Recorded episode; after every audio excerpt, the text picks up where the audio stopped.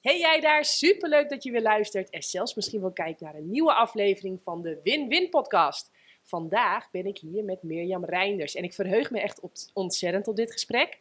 Ehm, ja, even leuk om te vertellen hoe wij elkaar hebben ontmoet. Ik had een één op één sessie geboekt bij Christiane Kok. Zij leert mensen eh, hoe je helemaal rauw kunt eten en daar super lekker mee kunt koken. Dat zelfs ja, mensen die heel erg uh, gehecht zijn aan gekookt eten, uh, of zelfs aan vlees en vis en dat soort dingen, toch, ja, hoe je die toch kunt winnen voor de rauwe keuken. Nou, en daar ontmoette ik uh, Mirjam, ja, bijna op dezelfde dag, geboren in hetzelfde jaar. Ook nog. helemaal, ja, aangezet door de boeken van Eckhart Tolle volgens mij. Absoluut. Nou ja, um, heel erg de voorkeur voor hetzelfde eten. En nou, dat is de reden dat we hier nu samen zitten. Dus uh, welkom. Dankjewel. Vind je het werk wat ik maak gaaf? Bijvoorbeeld deze podcastshow of de blogs die ik schrijf, die zijn gratis en die blijven ook gratis. Maar je mag ze volop delen op je social media. Je mag ook naar jannekevandermeulen.nl gaan en dan zoeken naar de knop doneren en zo een financiële bijdrage doen. Echt ontzettend bedankt als je, als je dat al hebt gedaan. Echt uh, heel gaaf. En dan, uh, ja, dan gaan we los. Nogmaals, welkom. Dankjewel.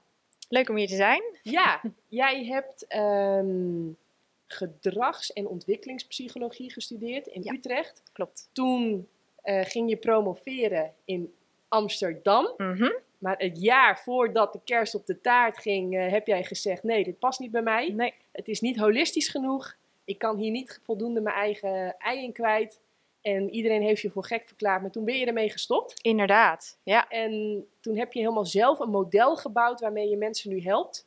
En ja, dat is jouw, uh, jouw levenshuis waar je alles in hebt gegoten. En op jouw website vond ik ook, dat wist ik natuurlijk niet, want dat vertel je niet direct uh, als je elkaar ontmoet. Maar uh, je hebt vroeger slaapproblemen gehad. Ja. Um, en nog wel wat dingen wat je probeerde op te lossen met seks, drugs en rock and roll. Precies. Wat ja. niet lukte. Helaas. en um, ja, vertel eens kort. Um, wat ben ik nu nog vergeten? Ja, eigenlijk vrij weinig. Behalve natuurlijk dat ik nu dus een eigen praktijk heb, inderdaad. Hè. Ik ben nu leefstijlcoach. Uh, ik ben uh, echt vanuit die wetenschap eigenlijk een beetje gedesillusioneerd teruggekomen. Um, het, het, begon als een heel nobel verhaal van wauw, ik mag uh, bijdragen aan onderzoek in de psychologie. Wat mooi, dan kunnen mensen daar geholpen door worden. Daar was ik zelf natuurlijk enorm door getriggerd, want ik had zelf dus ook die, uh, die emotionele problemen, om het zo maar te zeggen. Ik last gehad van depressies, angsten en dergelijke. Uh, dus het, het, begon als een heel nobel verhaal, zeg maar. En echt het idee van wauw, hier, hier ga ik echt een heel mooi stuk aan bijdragen. En toen ik eenmaal in de wetenschap zat, toen realiseerde ik me eigenlijk van wow, er is een enorme tunnelvisie hier. Weet je, en natuurlijk aan de ene kant snap ik waarom. Hè? Je moet dingen meetbaar maken. Maar ik kwam er gewoon langzamerhand steeds meer achter dat om dingen meetbaar te maken, moet je een heleboel andere belangrijke factoren dus eigenlijk wegwerken. En hoe langer ik in die wetenschap zat, hè, zowel in de studie als uiteindelijk tijdens de promotie en daadwerkelijk het onderzoek doen, ja, hoe meer het me eigenlijk begon tegen te staan. En op een gegeven moment, ja, ging ik gewoon met tegenzin eigenlijk naar, uh, naar Amsterdam. En toen dacht ik, nee, dit is, dit is niet de bedoeling. En toen ben ik eigenlijk um, uh, in eerste instantie zelf met een coach aan de slag gegaan. Van, goh, ja, uh, wat is er nou aan de hand? Hoe kan ik hier nou een, een positieve draai nog aan geven? En toen kwam, kwam ik er eigenlijk al snel achter, ja, dat gaat gewoon niet. Ik heb zo'n duidelijke visie opgebouwd in al die jaren aan zelfonderzoek doen eigenlijk. Op allerlei vlakken. Hè. En dan bedoel ik niet alleen wetenschap, maar gewoon allerlei boeken lezen. Uh, YouTube helemaal bingen, bij wijze van spreken. Interviews luisteren op kanalen zoals die van jou. En ik kwam er gewoon steeds meer achter van ja, er is gewoon een holistische puzzel, om het zo maar te zeggen, met meerdere factoren. En dan zit ik hier in die wetenschap. Uh, uh, met het oogpunt op daadwerkelijk iets gaan bijdragen aan het welzijn van mensen. En dan zit ik me in te zoomen op één klein dingetje. En dan vergeet ik eigenlijk de rest. Ik, vond, ik, ik, weet je, ik kon gewoon mijn bed op een gegeven moment niet meer uitkomen. En toen dacht ik, nou, nou is het wel genoeg. En nou gaan we er zelf gewoon even wat aan doen. En toen uh, heb ik de stoute schoenen aangetrokken. En toen dacht ik, nou, ja, laat ik het dan maar gewoon de wereld ingooien. En zeggen, nou, ik, ik heb ideeën. Uh, wie wil uh, die ideeën met mij uh, bespreken? Eén op één in sessies. En toen ben ik dus mijn eigen praktijk begonnen, inderdaad. Ja. En hoe loopt dat? Dat loopt prima. Ja, heel leuk om te doen. En ik vind het fascinerend dat, uh, dat ik zoveel leer ook van mijn cliënten. Ja. Het is zo interessant om te zien hoe het brein werkt, hoe je gedachten af en toe jezelf zo in de knel kunnen, kunnen duwen, zeg maar. Uh, ja, af en toe valt mijn mond ook echt open van, van wat mensen doen en zeggen en voelen. Um, maar ik merk ook gewoon vooral heel veel herkenning echt vanuit mijn eigen proces ook naar mijn cliënten toe. Maar ook als ik daar iets over deel, dat mijn cliënten ook echt zoiets hebben van, oh ja, inderdaad, ja, zo voelt het. En ja, dat soort gedachten, dat herken ik ook wel heel erg. En dat vind ik zo mooi, dat delen. Ja. ja. Hey, toen wij elkaar uh, net ontmoetten, toen vroeg ik jou, uh, nou, wat is jouw favoriete boek? En dat vond je echt een moeilijke vraag. Ja. Toen ging ik een beetje doorvragen en toen had je toch eigenlijk een heel duidelijk antwoord. Ja. Ja. Vertel eens, wat is je favoriete boek? Ja, het, ik ben toen uitgekomen op het boek waarmee het allemaal begon, om het zo maar te zeggen. Want ja, ik lees zoveel boeken. Ik kan niet zeggen er is één boek wat echt mijn favoriet is. Maar dit is wel het boek waardoor ik eigenlijk nou ja, een soort van nieuwsgierigheidsvlammetje uh, heb aangestoken. Of dat heeft het in mij aangestoken, laat ik het zo zeggen. En dat is een nieuwe aarde van Eckhart Tolle. En ik weet dat jij heel erg fan bent van Eckhart Tolle. Het, het was gewoon, het was helemaal raak, zeg maar. Het was de eerste keer uh, dat ik eigenlijk me heel erg bewust werd van het ego. Hij noemt dat dan het ego. Ik, ik noem dat zelf vaak het hoofd, of mijn hoofd, of je hoofd. Uh, maar er, er is zoveel gekwebbel in dat hoofd gaande. En voor ik dat boek las ja, eigenlijk geloofde ik gewoon alles wat er in mijn hoofd opkwam. En ja, ik zag dat de mensen om me heen ook doen. Dus ik dacht, nou, dat zal dan ook wel horen. Weet je. je staat er dan niet bij stil. En door dat boek ja, werd ik gewoon een soort in één keer in mijn bewustzijn geplaatst. Van hé, hey, maar wacht even. Je hoeft dat gekwebbel niet per se serieus te nemen. Nou, er ging een wereld voor me open, Janneke. Ik, nou, mijn mond viel ervan open, laat ik het zo zeggen. Ja, ja heel herkenbaar. Ja. Zo herkenbaar. Echt één op één herkenbaar ik luisterde vroeger ook naar die stem en ik handelde daarna. Nou, dus gewoon garantie voor, voor ellende. Ja, ja, en gelukkig niet altijd natuurlijk. Hè, want anders zou het wel heel opvallend zijn dat we er misschien niet altijd naar zouden moeten luisteren. Maar vaker raak je er wel door in de problemen dan niet. Ja. ja. ja. hey, mooi. Jij hebt uiteindelijk heb jij uh, je levenshuis gebouwd. Omdat ja. jij na al die duizenden boeken en, en, en YouTube en noem het allemaal maar op kwam jij iedere keer tot zes belangrijke thema's waar eigenlijk, ja, ik, ik noem dat altijd een stoel bijvoorbeeld met zes poten. Mm -hmm. En daar zitten we allemaal op. Daar zit geluk op. Daar zit, uh, ja, daar zit geluk op. En als een van die stoelpoten, daarom is die holistische aanpak ook zo belangrijk, als een van die stoelpoten niet lang genoeg is, dan staat de school, stoel scheef. Ja. En dan, ja, dan glijdt geluk daar de hele tijd vanaf. Klopt. Dus ja. daarom is het ook zo belangrijk, ik noem dat altijd ja, gezondheid op alle fronten daarom is het ook zo belangrijk om, ja, om op, op al die fronten, en ik weet wel dat de coaches van vandaag de dag zeggen van ja, wie alles wil, die zal niks hebben. Hè, en dat het heel.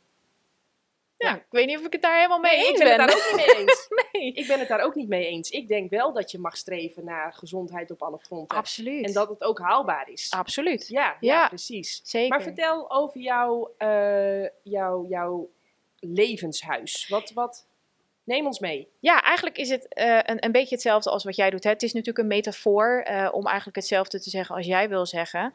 Uh, er zijn een aantal thema's in je le leven gewoon heel erg belangrijk voor uh, zeg maar het compleet maken van die puzzel. Hè, en of je dat nou geluk noemt, of welzijn, of gezondheid, of iets in die richting, dat maakt eigenlijk helemaal niet uit. Hè, het streven is naar een soort evenwicht, een soort balans. Hè, daarom heet mijn bedrijf ook Equilibrium, dat betekent ook evenwicht. En uh, dat evenwicht, uh, daarvan leerde ik van, nou ja, dat kan je vinden als je inderdaad werkt aan die zes hoofd thema's. En um, op het moment dat inderdaad een van die thema's of meerdere van die thema's uh, niet helemaal uh, lekker gaan, ja, dan heeft dat dus ook enorm veel invloed op de andere thema's. Hè? Dus het is echt een, een, je kan het ook zien als een soort spinnenweb, hè, met allemaal lijnen aan elkaar verbonden. Nou, en ik noem het dan een huis. Dat vind ik fijn, vind ik een mooie metafoor. Een huis met kamers. En al die kamers zijn onderdeel van hetzelfde huis. En jij bent dat huis. En op het moment uh, dat er een kamer begint af te brokkelen, hè, er komt schimmel ergens in een hoekje. Nou, dan denk je, nou oké, dat is niet helemaal lekker, maar laat ik mijn ogen dicht doen. ik hou me er wel gewoon niet mee bezig. Dat kan dus uit de hand lopen, want die schimmel die verspreidt zich natuurlijk. En zo zit het in de volgende kamer, in de volgende kamer.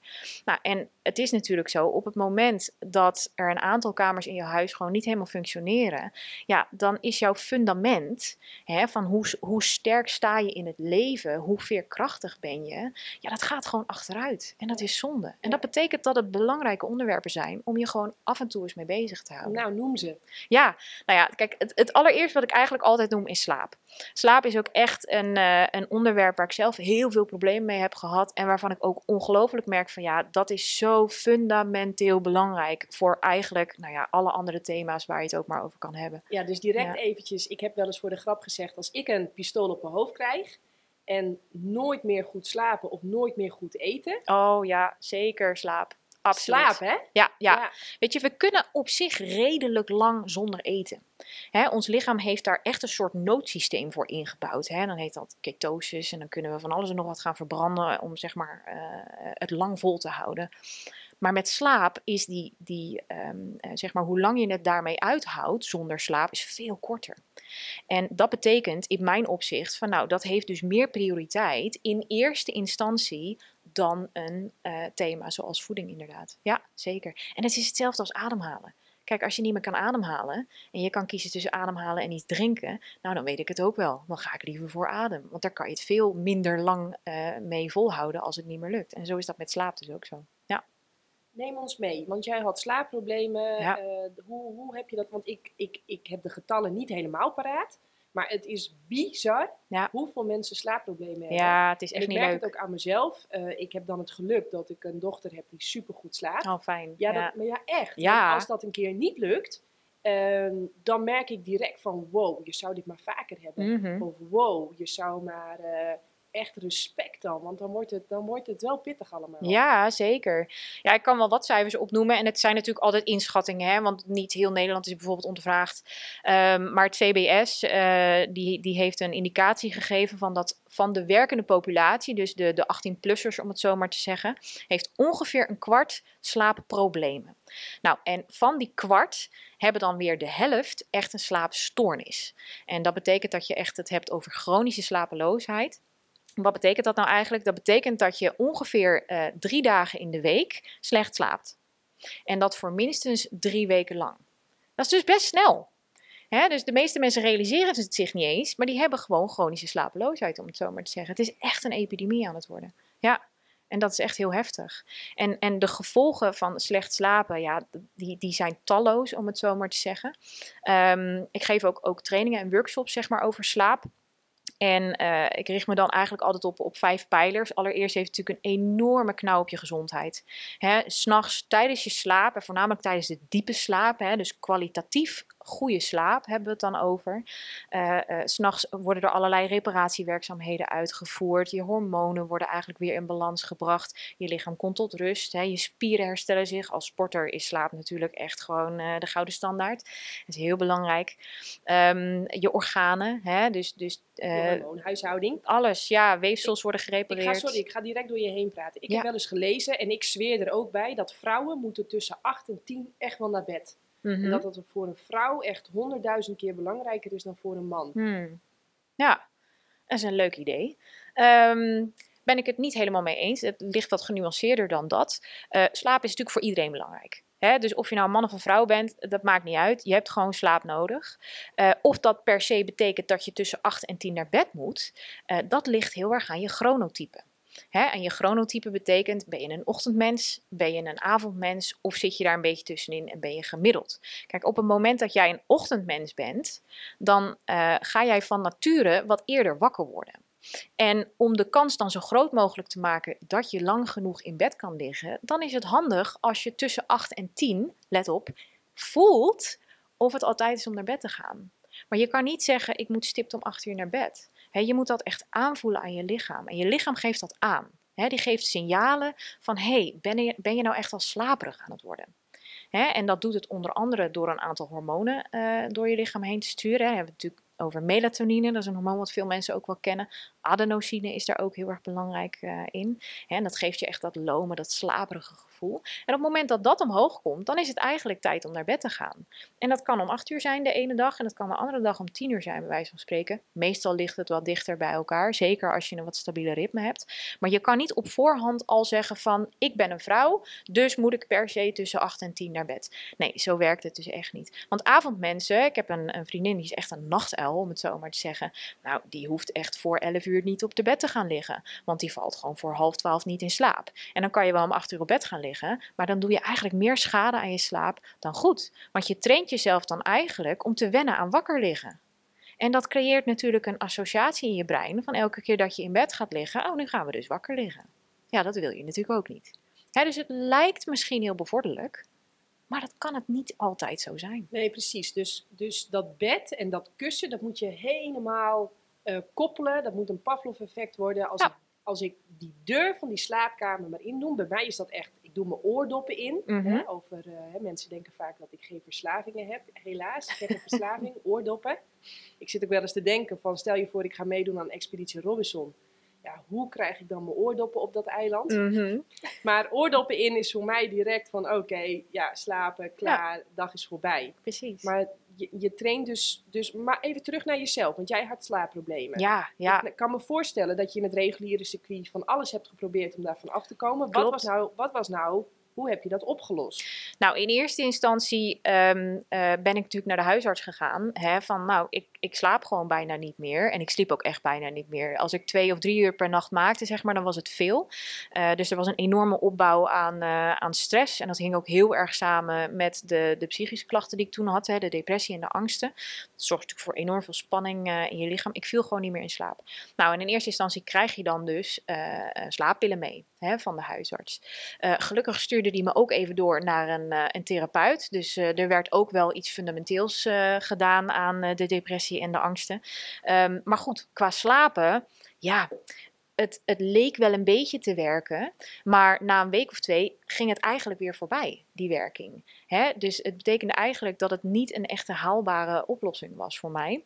Nou, en ik ben eigenlijk pas echt me bezig gaan houden met alternatieve methoden, ehm, eh, zeg maar, behalve die slaappillen, toen ik op de Vrije Universiteit in Amsterdam kwam werken. Want mijn collega's deden daar onderzoek naar eh, cognitieve gedragstherapie voor slapeloosheid. En dat betekent dat je echt ook aan de slag gaat, niet alleen zeg maar, met het lichamelijke aspect van, eh, van slaap, hè, dus die slaappillen, dat werkt daar heel erg op in. Maar je gaat dan ook heel erg aan de slag met bijvoorbeeld wat ik net zei, hè, van die gedragsmatige dingen, die koppelingen die je brein maakt, de gedachten die je hebt rondom slaap. Hè, en hoe gedraag je je dan in de slaapkamer, maar ook overdag. Want eh, dat is ook altijd de basis van alles wat ik mensen meegeef. Alles wat je overdag doet, heeft invloed op hoe je eigenlijk s'nachts in bed gaat liggen. En daar heb je controle over. Misschien niet 100%, maar wel een heel groot deel. En op het moment dat jij in bed gaat liggen, ja, dan, dan kan de schade eigenlijk al zijn gedaan. Hè? Dus je moet je eigenlijk meer focussen op, goh, wat voor gewoontes heb ik eigenlijk overdag? En dan hebben we het ook inderdaad over die mooie kamers van het levenshuis, hè? bijvoorbeeld voeding en dergelijke. En daar kan je dan weer mee gaan spelen. Nou, en dat ontdekte ik dus eigenlijk pas toen ik in Amsterdam eh, kwam werken en toen ik met die eh, cognitieve gedragstherapie voor slapeloosheid in aanraking kwam. Nou, dat vond ik wel interessant. Dus daar ben ik ingedoken. En daar zijn een aantal hele mooie eh, lessen voor mij uitgekomen, om het zo maar te zeggen. Ja. Wil je die delen? Ja, zeker. Ehm, het, het grootste inzicht, zeg maar, wat ik daar vandaan haalde, was ehm, dat vooral het uurtje voordat je naar bed gaat en het uurtje net nadat je opstaat eigenlijk heel erg bepalend is voor hoe jouw nacht eh, gaat zijn. Dus als jij bijvoorbeeld een uur voordat je naar bed gaat je nog helemaal druk gaat lopen maken, en let op, veel mensen doen dat onbewust, hè? Dus eh, eh, die gaan bijvoorbeeld nog zitten lezen, maar dan echt in een superspannend boek of zo, weet je wel. Of die gaan nog net eventjes die serie afkijken over de maffia, weet ik veel wat allemaal. En die denken dan, oh, ik ben lekker aan het ontspannen, ik ben een boek aan het lezen en ik ben lekker nog een beetje tv aan het kijken. Maar ondertussen creëert dat toch wel weer heel erg veel spanning in je lichaam. En dat kan dus net het verschil uitmaken tussen makkelijk in slaap vallen of gewoon echt wel een half uur tot een uur wakker liggen, weet je wel. Dus die, dat avondritueel, om het zo maar even te noemen, dat is ongelooflijk belangrijk. Nou, en daar kan je natuurlijk eh, eh, heel lang en kort over doen. Hoe simpeler, hoe beter, eigenlijk. Dat is de hele, de hele kern van wat ik ontdekte. En daar hou ik wel van, want hoe simpeler, hoe beter betekent, nou, dat is makkelijk om aan een ander te leren. En dat is ook makkelijk om zelf eens mee te experimenteren. En ook 's ochtends, eh, als Dus, je... dus wacht even, hoe ziet jouw avondritueel er nu uit? Nou, mijn avondritueel allereerst begint met het aller, aller, allerbelangrijkste wat ik iedereen ook op het hart druk. Ik heb een wekker. Als je een wekker gebruikt om ochtends wakker te worden, om jou te helpen herinneren aan dat je nu je bed uit mag, ja, waarom zou je er dan niet één zetten om je s'avonds ook te helpen herinneren aan, hé, hey, het is tijd om lekker dat avondritueeltje te gaan beginnen. Nou, dus ik heb een wekker en die gaat om een uur of half negen, want ik lig meestal uiterlijk half tien op bed, want ik ben dus zo'n ochtendmens inderdaad.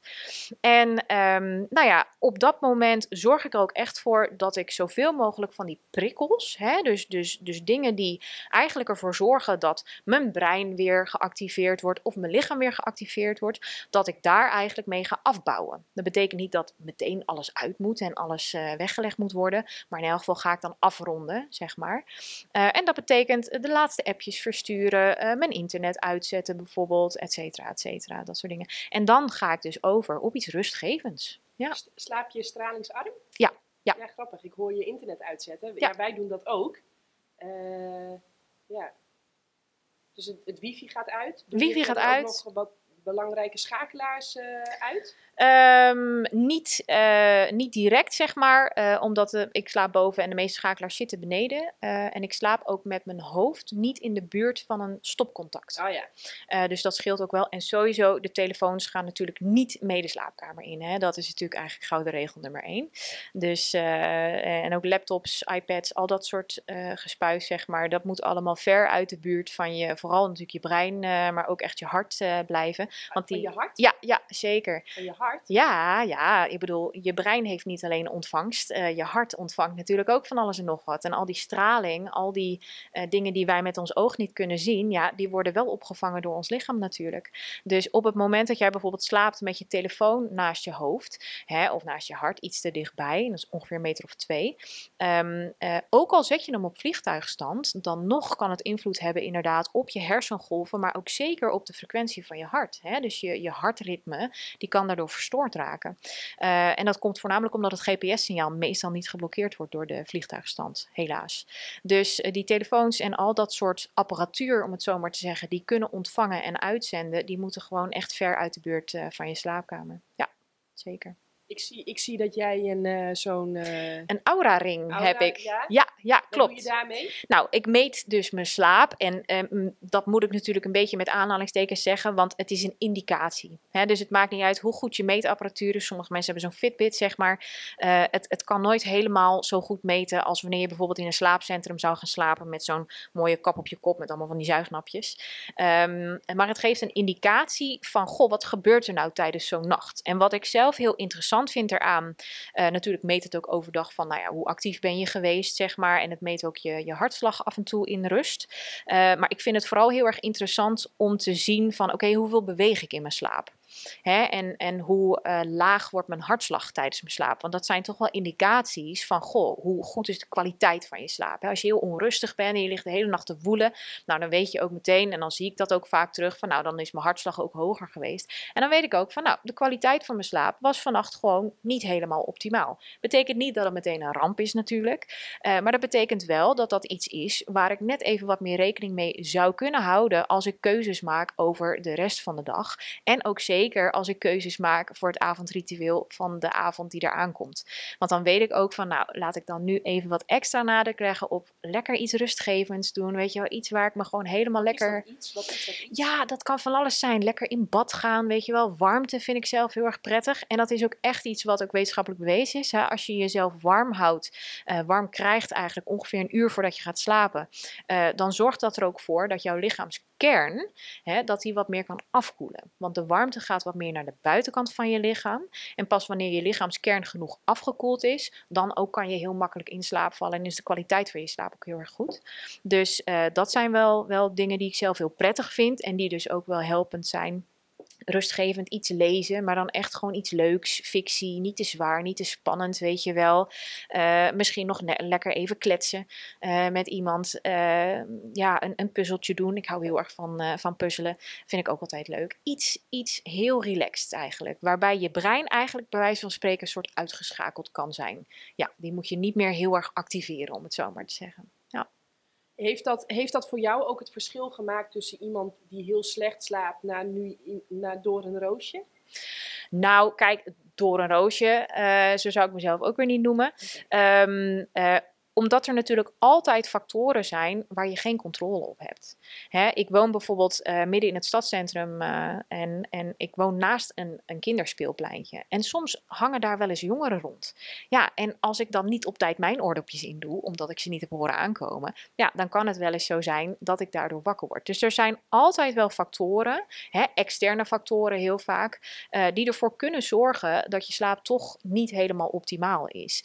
En je moet ook niet te veel nadruk leggen op, oh doe ik het nou allemaal wel goed en ben ik nou eigenlijk mijn slaap wel goed aan het, uh, aan het uh, verzorgen. Want dan krijg je dus eigenlijk weer spanning om de slaap en je hebt wel ontspanning nodig om goed in slaap te kunnen vallen. Hè? Ja, ik, sorry, ik sla dingen altijd gewoon hartstikke plat.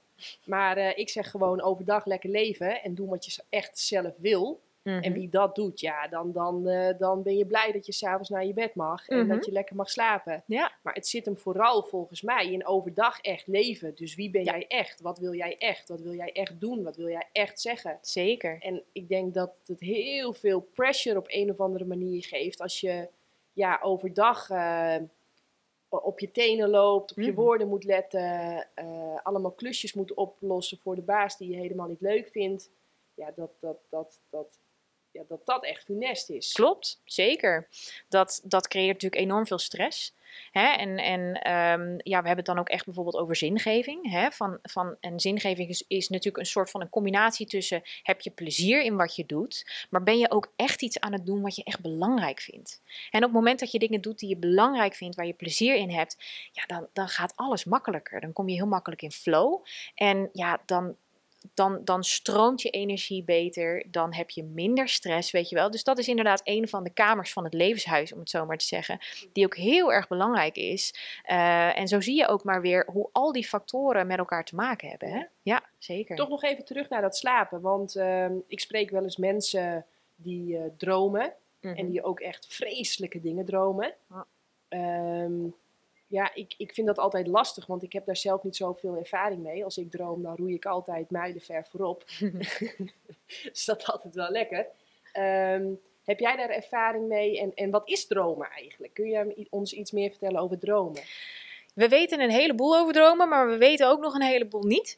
Um, maar uh, wat, weet wat weet ik over dromen? Nou, allereerst is er een hele sterke link tussen stress en dromen. Dus op het moment dat jij overdag te veel stresst, en dan heb ik het niet echt over één klein stressmomentje, hè, maar dan heb ik het echt over chronische stress, grote stress. Dus intense periodes van stress. Um, en hoe vat jij stress aan? Ik, weet, ik heb mijn definitie voor stress heb ik wel paraat. Wat, mm -hmm. hoe, wat, wat is stress voor jou? Uh, stress kan lichamelijk zijn en mentaal.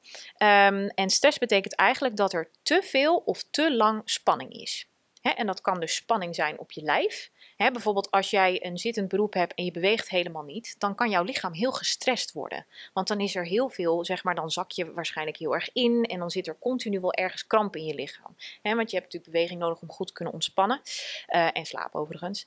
Um, dus je kan lichamelijk kan je heel erg verkrampen, om het zo maar te zeggen. Maar mentaal kan dat natuurlijk ook gebeuren. Op het moment dat jouw gedachten uh, stressvol worden, dan betekent dat dat ze te veel of te lang heel erg angstig zijn geweest. Hè. Stress is een vorm van angst. En um, uh, stress ervaar je dus eigenlijk met je, met je hele wezen, om het zo maar te zeggen. En dat slaat ook heel erg op je zenuwstelsel. je zenuwstelsel is natuurlijk je brein, de zenuwbanen die in je lichaam lopen. En die zijn natuurlijk verbonden met je spieren en je organen. Dus op het moment dat een van de twee vlakken gestrest wordt, hè, het zij je, je mentale eh, gestel, het zij je lichaam, dan heeft dat ook meteen een kettingreactie op het andere. Ja, ja. dus het is gewoon spanning. Eigenlijk te veel spanning of te lang spanning. Ja, want uh, een beetje kortdurige stress heb je nodig voor succes. Ja, ik zeg stress eigenlijk, ik hanteer de definitie van Eckhart Tolle. Mm -hmm. Dus stress is niets anders dan eh, ik heb dit, maar ik wil eigenlijk dat hebben. Ja. Ik ben hier, maar ik wil eigenlijk daar zijn. Ja. Ik heb dit, maar ik wil eigenlijk dat hebben. Ik ben met deze mensen, maar ik wil eigenlijk met die mensen zijn. Precies. Dus je bent de hele tijd in het conflict met hoe het leven nu is. Je Ja. zegt eigenlijk de hele tijd, en dat doe je onbewust. En iemand gaat niet, eh, nou ja, sommige mensen bewust, maar ik denk dat het gros onbewust plaatsvindt. Je bent dus in conflict met hoe het leven nu is en je Mhm. zegt eigenlijk, ik weet het beter. Ik weet het beter. Zoals het nu is, het is niet goed, het klopt niet, eh, het mag niet, het wil niet. Het, Ja. het, het- dat is stress. Ja, en jouw zenuwstelsel ziet dat natuurlijk enorm als een probleem. Hè? En op het moment dat jouw zenuwstelsel registreert, er is hier een probleem, dan kikt jouw biologische overlevingsmechanisme aan. Want problemen in de natuur, en zeker vroeger, zeg maar, eh, eh, toen we daadwerkelijk nog in de natuur leefden, dat kon zomaar betekenen dat we opgegeten werden. Of dat we in een ravijn storten of iets in die richting.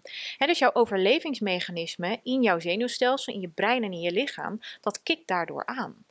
Ja. Dus eh, het kikt aan, er wordt even wat cortisol je lijf in gepompt. Precies, ja, wat je bijnieren doen. Absoluut. En eh, dan op een gegeven moment, als dat te lang en te vaak en te veel gebruikt, dan raken die bijnieren uitgeput. Mhm. Dan, en dan? Nou ja, en dan krijg je dus eh, allerlei klachten. Hè, ik zeg altijd, eh, stress beweegt zich eigenlijk in een soort cirkel. Tenminste, dat is de bedoeling. Hè, de bedoeling van stress is dat we ons kunnen inspannen. Hè, wat je al zei, van eigenlijk is dat wel, wel handig. Eh, maar dan is het gewone spanning. En op het moment dat dat omhoog gaat in de cirkel en daarna weer mee naar beneden kan komen, dan is er eigenlijk niks aan de hand. Hè. Dan kunnen we inspannen en dan kunnen we ook weer ontspannen. Op het moment dat er dus te weinig ontspanning komt, bijvoorbeeld omdat jouw brein inderdaad maar blijft zeuren over dit is zo, maar eigenlijk had het zo moeten zijn en dus hebben we continu een probleem, dan gaat die cirkel eigenlijk niet meer sluiten. En wat je dan krijgt is een spiraal. Want dan krijg je wel die spanning omhoog, maar niet echt meer de kalmering, de ontspanning, de geruststelling die je jezelf af en toe kan geven. Weet je wel van, joh, het is helemaal niet erg dat dat niet zo is. Dus je verdwijnt eigenlijk uit het hier en nu. Dat is ook wat Eckhart Tolle heel erg eh, benadrukt natuurlijk. En je gaat eigenlijk in je fantasie van allerlei doemscenario's lopen bedenken van, oh jee, dit gaat helemaal mis en het is een ramp. Nou, en dan krijg je dus een chronische staat van spanning. Nou, en dan kan je het wel voor je stellen, die spiraal, die wordt hoger en hoger en hoger en hoger. En op een gegeven moment zit je aan het plafond. Nou, en dat kan bijvoorbeeld leiden tot eh burn-out. Hè, en dan bijvoorbeeld lichamelijke burn-out, dat je gewoon letterlijk niet meer kan bewegen. Dat, dat is super eng en, en ongelooflijk naar. Eh, gelukkig niet. Ik had de mentale variant, dus dat mijn brein gewoon uitschakelde en dat ik gewoon niet meer kon nadenken. Werd gewoon helemaal blanco van binnen. Dat klinkt heel rustgevend, maar dat is het dan natuurlijk niet.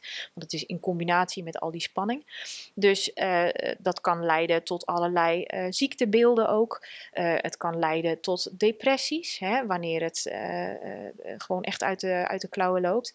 Ja, dan, dan is het einde zoek, om het zo maar te zeggen, als je daar geen gat in weet te slaan. Ja. Hoe heb jij dat gat erin weten te slaan? Nou, op een heleboel verschillende manieren dus. Dus door eigenlijk eh, eh, wat ik ontdekte eh, elke keer te gaan proberen. Hè, dus al die kamers van het levenshuis, die onderwerpen gewoon aangaan. Gelukkig had ik ook een, een therapeut waar ik mee aan de slag kon. En ik ben eigenlijk gewoon gaan experimenteren met datgene wat mij aangereikt werd in de vorm van boeken en, en interviews en dergelijke. Ehm, nou, en zo kwam ik er dus achter dat die, die factoren in dat levenshuis, dat die gewoon voor mij ook heel erg belangrijk zijn. En je kan natuurlijk beginnen bij de basis. Ehm, en, en de basis voor mij is toch ook echt wel voeding en beweging. Vertel, vertel, vertel. Ja, zeker. Ik ben ehm, eh, eh, op een gegeven moment ben ik eh, door een vriendin getipt. ik geloof dat het ruim acht jaar geleden alweer is. over een documentaire. En dat heette Fat Sick and Nearly Dead. Ja, ja, nou, en toen dacht ik, god, dat klinkt Die- interessant. Die moet je kijken. ja, zeker. Toevallig gisteren nog over gehad. Ja. Maar vertel verder. Ja, dus die ben ik eigenlijk gaan kijken. Nou, en toen ben ik dus eigenlijk voor het eerst in aanraking gekomen met voedingswetenschap. maar ook inderdaad de praktijk van, goh, je bezighouden met je voeding. Wat voor een invloed heeft dat eigenlijk op je cellen, op je organen, op je stressniveau ook. Nou, en toen ben ik dat eh, konijnenhol ingedoken, om het zo maar te zeggen. Eh, dus toen heb ik uh, Vet Sick and Nearly Dead 2 natuurlijk meteen erachteraan gekeken, want ik vond het allemaal best wel interessant. En daarna werd mij door Netflix gelukkig aangeraden om ook nog Forks Over Knives te kijken. Nou, en toen was ik helemaal om. Toen was ik eigenlijk zo onder de indruk van het gevolg van wat je in je mond stopt op gewoon nou al direct je hartslag, je bloedkwaliteit, de, de kwaliteit van je organen, je hormonen. Weet je wel, dat er gewoon voeding is wanneer jij dat eet, wat direct een stressreactie opwekt. Hè, waardoor direct je cortisol omhoog gaat, je adrenaline, je noradrenaline. Nou, dat is gewoon zo'n duidelijk signaal van je lichaam. Welke voeding is dat? Nou, dat is uh, dierlijke voeding, hè, voornamelijk. Heel vetrijke voeding ook. Bewerkte producten, weet je wel, junkfood noemen we het ook wel. Uh, veel te zoute voeding. Uh, voeding met te veel chemische toevoegingen, om het zo maar te zeggen. Ja, dat, daarvan geeft je lichaam dus heel duidelijk aan. en dat zag ik dus op die documentaires ook met echt onderzoek en bewijs je lichaam geeft gewoon aan, dat hoort hier niet. Dat moeten we niet doen. Weet je wel? Maar we zijn het zo gewend. Wist ik veel? Nou, het, weer zo'n mond openval moment, weet je wel? Van, hé, hoe, hoe kan het nou dat ik dit nog nooit ergens heb gehoord? Nou, fascinerend vond ik het. En toen ben ik daar dus uh, heel erg in gaan duiken. Want dat prikkelt natuurlijk enorm ook mijn nieuwsgierigheid. En het mooie is, het was voor mij op dat moment ook zoiets tastbaars om mee aan de slag te gaan. Want weet je, je psyche is heel complex. Is net een ui. Allemaal laagjes, laagjes, laagjes. En dan heb je de ene gedachte aangepakt. Dan komt de volgende weer om de hoek. En dan is dat trauma opeens weer omhoog aan het komen. En dan heb je dat verwerkt. En dan komt de volgende weer aan. En dat, dat, dat is een enorm langdurig proces. Maar wat jij in je mond stopt, wie beslist dat? Jij. Ik dacht, nou, dat is makkelijk. Dat is een hele snelle quick fix. En natuurlijk is het niet zo makkelijk als het klinkt. Hè, want om daadwerkelijk een gebalanceerd dieet dan weer uit te dokteren, wat zo ver afstaat van je huidige dieet, dat is ook wel even werk. Maar het principe is heel simpel. Ik kon gewoon op dat moment, en dat heb ik ook gedaan, beslissen: wil ik dit nou mezelf aan blijven doen, ja of nee? En alles in mij schreeuwde gewoon: nee, natuurlijk niet. Als je dat weet, als je daar bewust van bent geworden, waarom zou je dat dan nog blijven doen? Nou ja, en er zat voor jou natuurlijk voldoende pijn aangekoppeld. Absoluut. Ik had ook pijn. En als je pijn hebt, dan ben je echt best wel intrinsiek gemotiveerd Zeker. om te veranderen. Ja. En veranderen kost ook pijn. Maar dat doet vaak, in, in, als ik even voor ons spreek, waarschijnlijk heeft dat veranderen net iets minder pijn gedaan dan de pijn van niet veranderen. Ja. En doorgaan met die oude gewoontes. Ja. Dus, uh, maar volgens mij eet je niet alleen maar helemaal uh, veganistisch. Mhm. Je eet ook nog voornamelijk rauw. Ja, klopt, inderdaad. Ja, de, de afgelopen uh, acht jaar ben ik eigenlijk ja, steeds meer gaan, gaan lezen en leren over inderdaad die voeding, uh, plantaardige voeding, die, wat het allemaal doet. En uh, hoe meer ik las eigenlijk, hoe, hoe meer ik in aanraking kwam met het, het positieve effect inderdaad van rauwe voeding. En op een gegeven moment, ongeveer anderhalf jaar geleden, toen, toen klikte er op, opeens zoiets in mij. Dat heb ik wel af en toe, zeg maar. Zo'n zo'n moment dat, dat alles opeens in elkaar, dat die puzzel eigenlijk een soort helder wordt. En toen dacht ik, als ik nou gedropt word in de natuur. En ik ga er even vanuit dat ik het overleef, om het zo maar te zeggen. Hoe zou ik dan in godsnaam granen eten? Hoe zou ik dan in godsnaam pulvruchten naar binnen kunnen werken? Want die kan ik dan niet koken. En eigenlijk had ik zoiets van, ja, dit is dus eigenlijk niet zo natuurlijk. Waarom ga ik niet gewoon eens proberen hoe het voelt? want daar gaat het natuurlijk om. Je moet het wel proberen. van, waarom ga ik niet gewoon eens proberen hoe het voelt om uh, helemaal rauw te eten? Nou, beviel me eigenlijk wel. Ja. Waarom, waarom, waarom? Ik doe dat ook, hè. Ik, uh, ik denk dat ik iets meer gekookt eet nog dan dat jij doet. Ik eet wel gekookte dingen. Denk aan uh, kikkererwten, zoete aardappel, uh, als iemand anders iets voor mij koopt, dan uh, smul ik dat ook lekker op.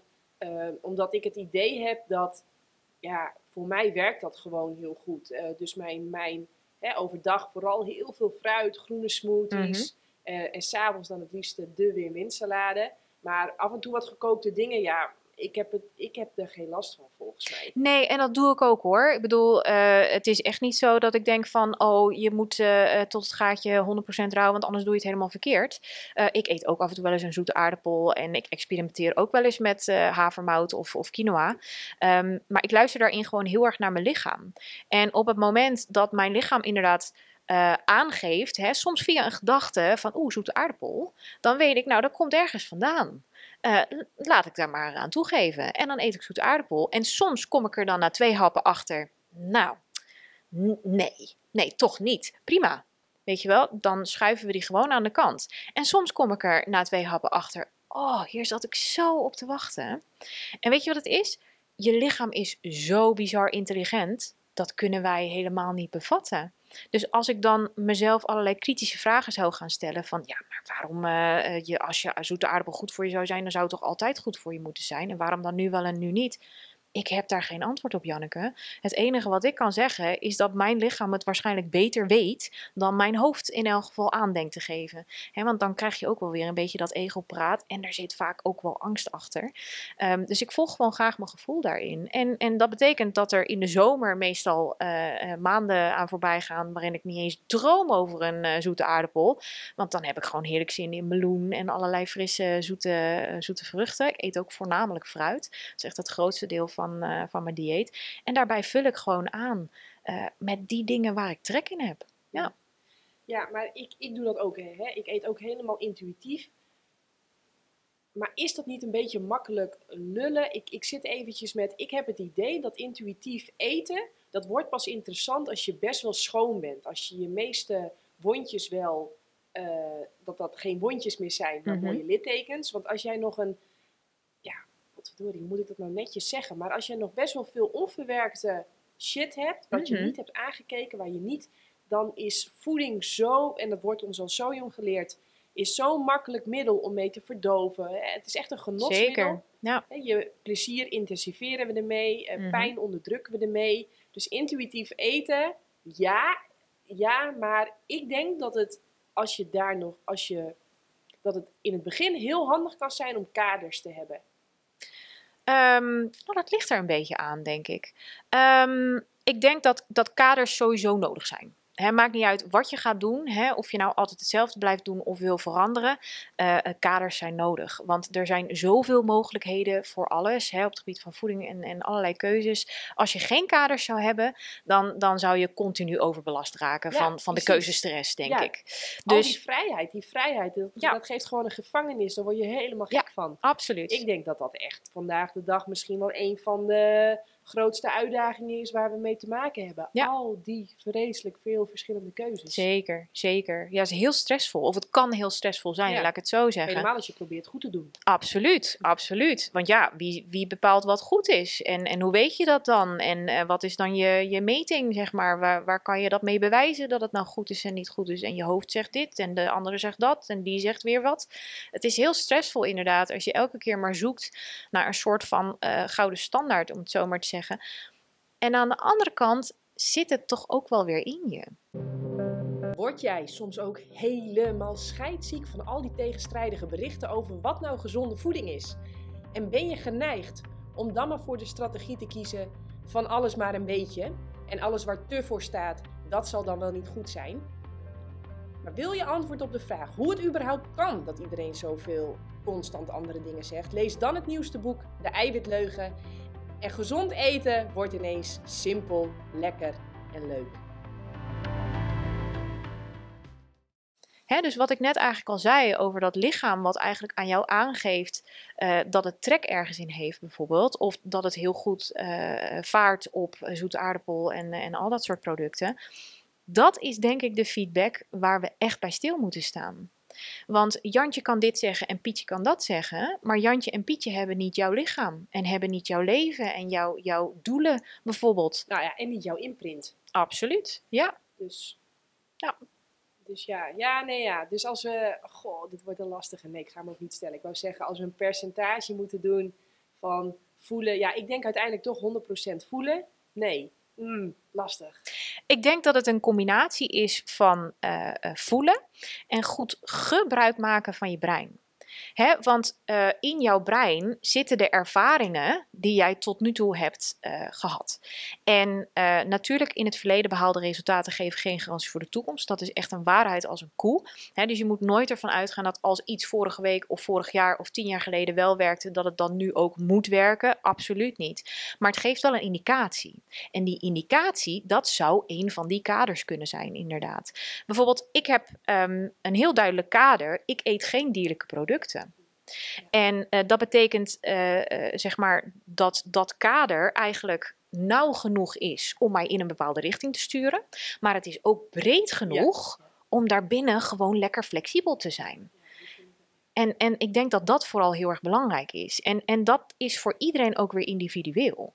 Van wat voor kaders vind jij prettig? En de ene persoon floreert bij iets strakkere kaders. En de ander vindt het juist weer fijn om iets uh, wat, wat mildere kaders te hebben, om het zo maar te zeggen. Maar natuurlijk, je moet een bepaalde richting opgaan. Want anders dobber je maar gewoon een beetje doelloos rond. Ja. Nou ja, maar wat jij zo straks zei, als jij te kampen hebt met uh, stress uh, problemen. Mhm. En jij weet niet dat iedere keer als jij een hapje dierlijk product of een hapje junkfood neemt. En dat dan je cortisol direct stijgt. Ja, ja. Ja, dan kan je met de beste bedoelingen jezelf in slaap proberen te krijgen met kwark of met eieren of met Ja. een maaltijd met zalm erin. Ja. Het, het, ja, hè, ik zeg wel eens, eh, je kunt hele goede intenties hebben, maar naar, als je naar het westen loopt en je wil de zon op zien komen, het gaat je niet lukken. Nee, dus dat is hetzelfde, eh, helemaal plantaardig eten. Het maakt, het maakt, ja, ik vond het, het maakt dingen zoveel makkelijker. Mhm. En ik had ook echt het idee, toen ik helemaal plantaardig ging eten, laag in vet, hoog in fruit, dat ik, ik heb menen waar te nemen dat ik echt ben gezakt, dat mijn cortisol echt is gedaald. Mhm. Dat ik Ja. echt veel meer basisontspanning Ja. had. Absoluut. En, en ik vond dat die, ehm, ik kreeg nog meer ontspanning, omdat ik dus dat kader van nooit meer dierlijk, altijd plantaardig, Mhm. dat gaf mij ook heel veel rust. Mhm. Want heel veel mensen denken dan, oh, dan mag je niks. Terwijl in de supermarkt wordt het zo helder. Hè? Er zijn tien opties, maar acht vallen al af. Ja. Want ja, die voldoen niet aan de eisen. Absoluut. Dus eh, er zijn duizenden restaurants, maar ja, er zijn maar vijf die dezelfde normen en waarden hebben dat- als dat jij hebt. Ja. Zo makkelijk. Ja, ik- Ik, Inderdaad. vind het echt vrijheid. Ik vind het echt een, een Maar, maar daar ligt wel iets heel belangrijks achter, Janneke, want jij hebt ervoor gekozen. Ja. En op het moment dat je het wil, hè, dan, dan voelt het als vrijheid. Want jij kiest ervoor. Het is een bewuste keuze. Je doet dat vanuit bepaalde overtuigingen die jij hebt gekregen. En vervolgens peil je dan ook van: oké, krijg ik het terug van mijn lichaam? Dus dan krijg je nog meer positieve feedback. Dus daar zit een hele positieve feedbackloop aan. Hè? Jouw gedachten zijn in lijn met je gedrag. Maar op het moment dat iemand dat niet wil en ernaar gaat kijken, dan voelt dat meer als: oh, als ik dat zou moeten. Ja, dan kan ik me voorstellen dat Ja. zij dan zoiets hebben van: ja, nou, dat lijkt me helemaal niet prettig. Weet Nee. je wel? Natuurlijk, iets moeten is nooit prettig. Nee, Daar moet je ook niet naar streven. nee, nee, vreselijk. Als Ja. mensen ook die woorden gebruiken. Ja, ja, ja, ja. Heel vaak, ik moet dit of ik mag niet dat. Ik vraag dan altijd, van wie? Van wie? precies. Van wie? Ja. Dat, eh, dat is altijd interessant. Maar wij kwamen hierop, even, ik hou ons even bij de les, Mhm. over wat zijn dromen. En dat weten we eigenlijk niet. Maar dromen, eh, negatieve dromen, zijn dus gekoppeld aan stress overdag. Zo Ja. kwamen we hierop. Kun je dat nog afmaken? Wat zijn dromen? Waarom dromen mensen soms zo vreselijk? Ja, ja, nou ja, hoe, hoe naarder je droomt, zeg maar, dan, dan in eerste instantie ga ik ervan uit dat je inderdaad heel erg veel adrenaline in je lichaam hebt zitten. Vooral adrenaline. Er is veel onderzoek geweest naar eh, mensen met PTSS, posttraumatische stressstoornis. Dus bijvoorbeeld soldaten die terugkomen uit een oorlogssituatie. Die hebben heel vaak hele heftige, eh, nare, eh, levendige dromen. Nou, en bij metingen kwamen ze er dus achter dat de adrenaline, vooral de noradrenaline, daar heel hoog bij was. En op het moment dat ze medicatie kregen om dat te onderdrukken, dan verdwenen de dromen. Dus vandaar dat we denken, vermoeden dat dat een één op één link is. Ehm, vervolgens is het natuurlijk ook wel belangrijk om te kijken naar waar droom je nou over. Hè? Maar ik ga direct, sorry dat ik je in de reden val. Mhm. Ik heb mensen eh, in de praktijk ook die dromen over dingen. Eh, bijvoorbeeld eh, een meisje. Ze heeft nog nooit een seksuele ervaring gehad. Maar ze droomt constant over dat ze verkracht wordt. Mhm. Is dat dan een vorig leven? Wat, wat, wat, hoe kan dat nou? Of heb je dan te veel films gekeken? Wat ik me ook niet kan voorstellen dat dat zo is. Nee. Eh, volgens mij was dit iemand die, net als ik, goh, hoe heette dat ook alweer? Dat dat, dat die de vader een merel was. Oh, nou, dat, dat, dat vonden wij al eng vroeger. Oké. Oh, zo'n De kindertekenfilm. sommige ja, ja, ja. vonden wij al eng, dus daar Ja. keken we al niet naar. Dus ik kan me ook niet voorstellen dat het komt door te veel films kijken of wat dan ook. Wat is dat toch? Nou, er zijn, er zijn meerdere verklaringen hiervoor.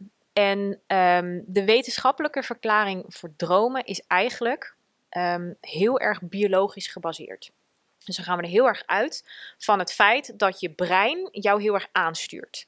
En uh, wat de verklaring dan is vanuit de, de wetenschap, hè, dus datgene wat we kunnen meten aan impulsen in het brein, uh, lijkt het zo te zijn dat tijdens de remslaap, hè, dat is de rapid eye movement slaap, daarin gaan je ogen heel snel heen en weer, dan is je brein vrij actief. Nou, en ze hebben dus gemeten van ja, eigenlijk is je brein gewoon een beetje random maar aan het vuren. Tenminste, dat lijkt zo.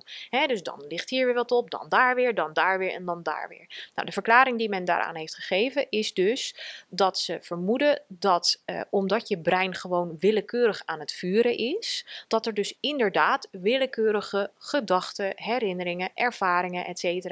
aan elkaar worden gekoppeld in zo'n droom. En dat je dat dan als een soort van ja, filmscherm, zeg maar, in de bioscoop, dat je dat dan uh, te zien krijgt. Ja, maar ik weet ook, ik weet ook dat jij ziet ons brein volgens mij meer als een radiostation. Juist, ja. Dat is helemaal geen, dat is een ontvanger is geen generator. Precies, precies. Nou, en dan hebben we het meer over een wat meer spirituele verklaring, om het zo maar even, even samen te vatten. Uh, ik ben er echt van overtuigd inderdaad dat, dat ons lichaam eigenlijk een soort van uh, radio, hè, dat je het kan zien als een soort radio, en dat wij een soort zendmastje hebben, en dat zit dan wel ergens hier aan de bovenkant.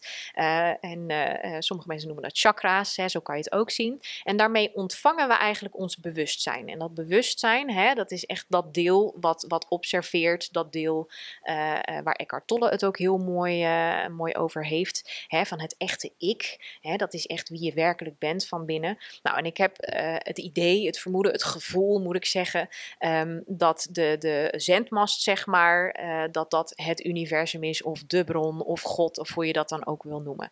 Nou, of dat klopt, dat weet ik niet, maar ik vind het gewoon wel een mooi idee. Maar stel dat je uitgaat van dat dat zo is, inderdaad, dan zou dat betekenen dat het eigenlijk niet zoveel uitmaakt dat je brein zo aan het vuren is.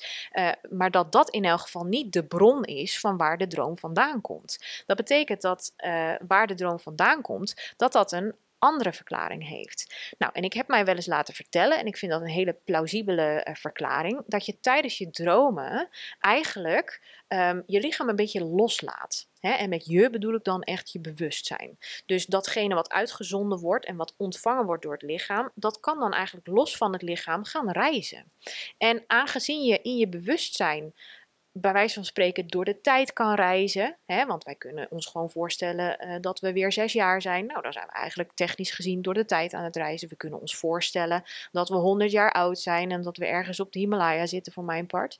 Nou ja, die vrijheid hè, van het gebruik maken van je bewustzijn, dat uh, wordt dan een soort uh, ja, mogelijk gemaakt tijdens de slaap.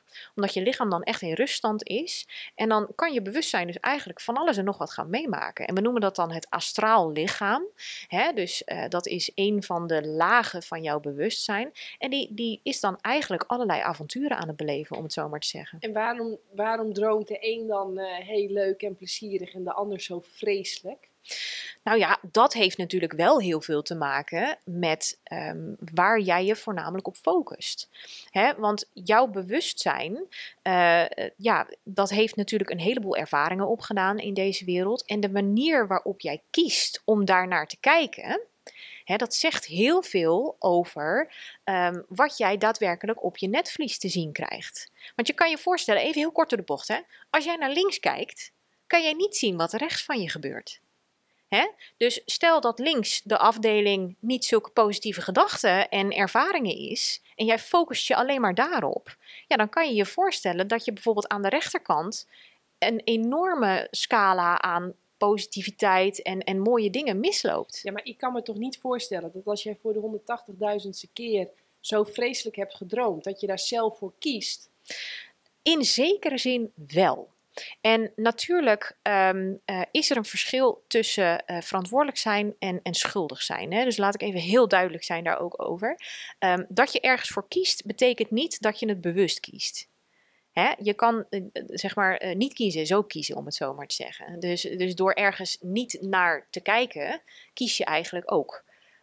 Terwijl je eigenlijk het idee hebt van, nou, ik hou me er toch helemaal niet mee bezig, om het zo maar te zeggen. Maar dat je ervoor kiest, betekent niet dat je moedwillig jezelf aan het kwellen bent of zo. Het betekent wel dat er een les is die jij misschien nog mag leren. Hè, misschien is het een uitnodiging, want ik denk dat het universum zo werkt. Want het nodigt je continu uit van, goh, kijk hier eens naar, kom hier eens eventjes je mee bezighouden. Op het moment dat jij iets heel naarstroomt, dan, dan zou je kunnen kiezen om je te focussen op, jeetje, wat was dat naar, verschrikkelijk, ik wil dat nooit meer dromen. Maar je zou ook jezelf even kunnen kalmeren, want dat is natuurlijk heel erg noodzakelijk op het moment dat je van streek bent. Hè, laten we dat even voorop stellen. Hè, jezelf even geruststellen, even weer lief hebben en zeggen, god, dat was inderdaad super naar. En vervolgens kan je jezelf wel de vraag stellen: Goh, ja, zou ik misschien iets kunnen ontdekken van een thema of zo? Zit er misschien een boodschap in? Zou ik misschien op een andere manier kunnen reageren? Stel dat ik die droom nog een keer zou kunnen dromen. Ik zou hem van voor naar achteren opnieuw kunnen ontwerpen. Wat zou ik dan anders doen? En dat is een andere manier van omgaan met hele ogenschijnlijk nare ervaringen. Ja. Ja, oké. Dus uh, ja, het is dus toch, uh, hoe vervelend het ook is, verantwoordelijkheid nemen.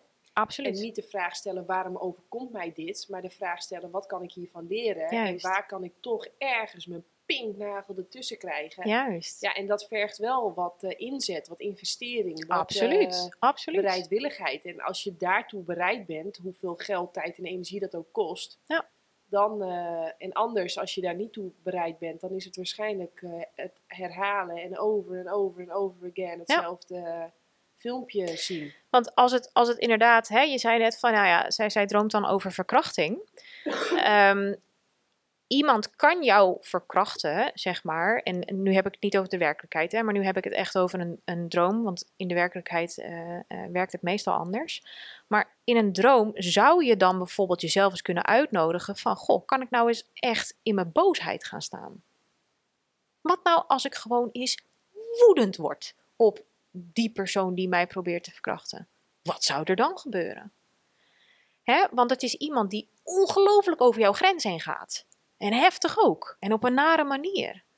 Maar wat nou als jij er een halt aan toe probeert te roepen? Ik zeg niet dat er succes gegarandeerd is natuurlijk. Maar het zou een uitnodiging kunnen zijn hè, om eens te gaan ontdekken wat gebeurt er als ik boos word. En je weet nooit van tevoren hoe het afloopt. Dat is zo spannend aan het leven. En dat maakt het aan de ene kant ook wel weer erg leuk, maar ook wel weer erg eng natuurlijk. Maar je kan het allicht proberen. Ja, mooi. Ik, zeg, ik vind wel dat je wel grappig zegt, dat boos worden. Maar dat mag toch tegenwoordig helemaal niet meer? Volgens mij wordt dat uh, ongeveer uh, als je... Ja, als je twee bent, ik zie dat nu een beetje met mijn dochter, wordt dat mm -hmm. al, uh, proberen we dat er al uit te rammen. Absoluut, want, want boos worden is heel vervelend voor degene tegen wie je boos wordt. Ja. Want die had namelijk andere plannen. Ja. En, ja, want jij ja. hebt ervaring met dat please the seas, hè? Ja, helaas ja, wel. Vertel eventjes, want ik kan me voorstellen dat jij, je zegt het natuurlijk daarom ook, ja. maar dat boos worden, ja, ik vind het, ik ga daar echt op aan. Ja, ja. Nee, ik ben ook uh, uh, inderdaad opgevoed door, uh, door ouders die echt ongelooflijk hun best hebben gedaan, maar die ook helaas geen ruimte konden bieden aan de emoties en daardoor dus ook de behoefte die ik eigenlijk aan het communiceren was als, als jong kind. Dus ik heb ook met de paplepel ingegoten gekregen inderdaad dat boos zijn echt done is. Nou, dan ben je ook nog eens een meisje. Nou, en meisjes horen lief te zijn, weet je wel. Dus dan krijg je ook nog een soort van de maatschappij. En ook al, zeg maar, zijn we een soort van modern, die, die normen en waarden zitten er nog steeds heel erg in, zeg maar op een sluimerend uh, niveau. Dus je krijgt van alle kanten inderdaad eigenlijk een soort weerstand tegen boos worden.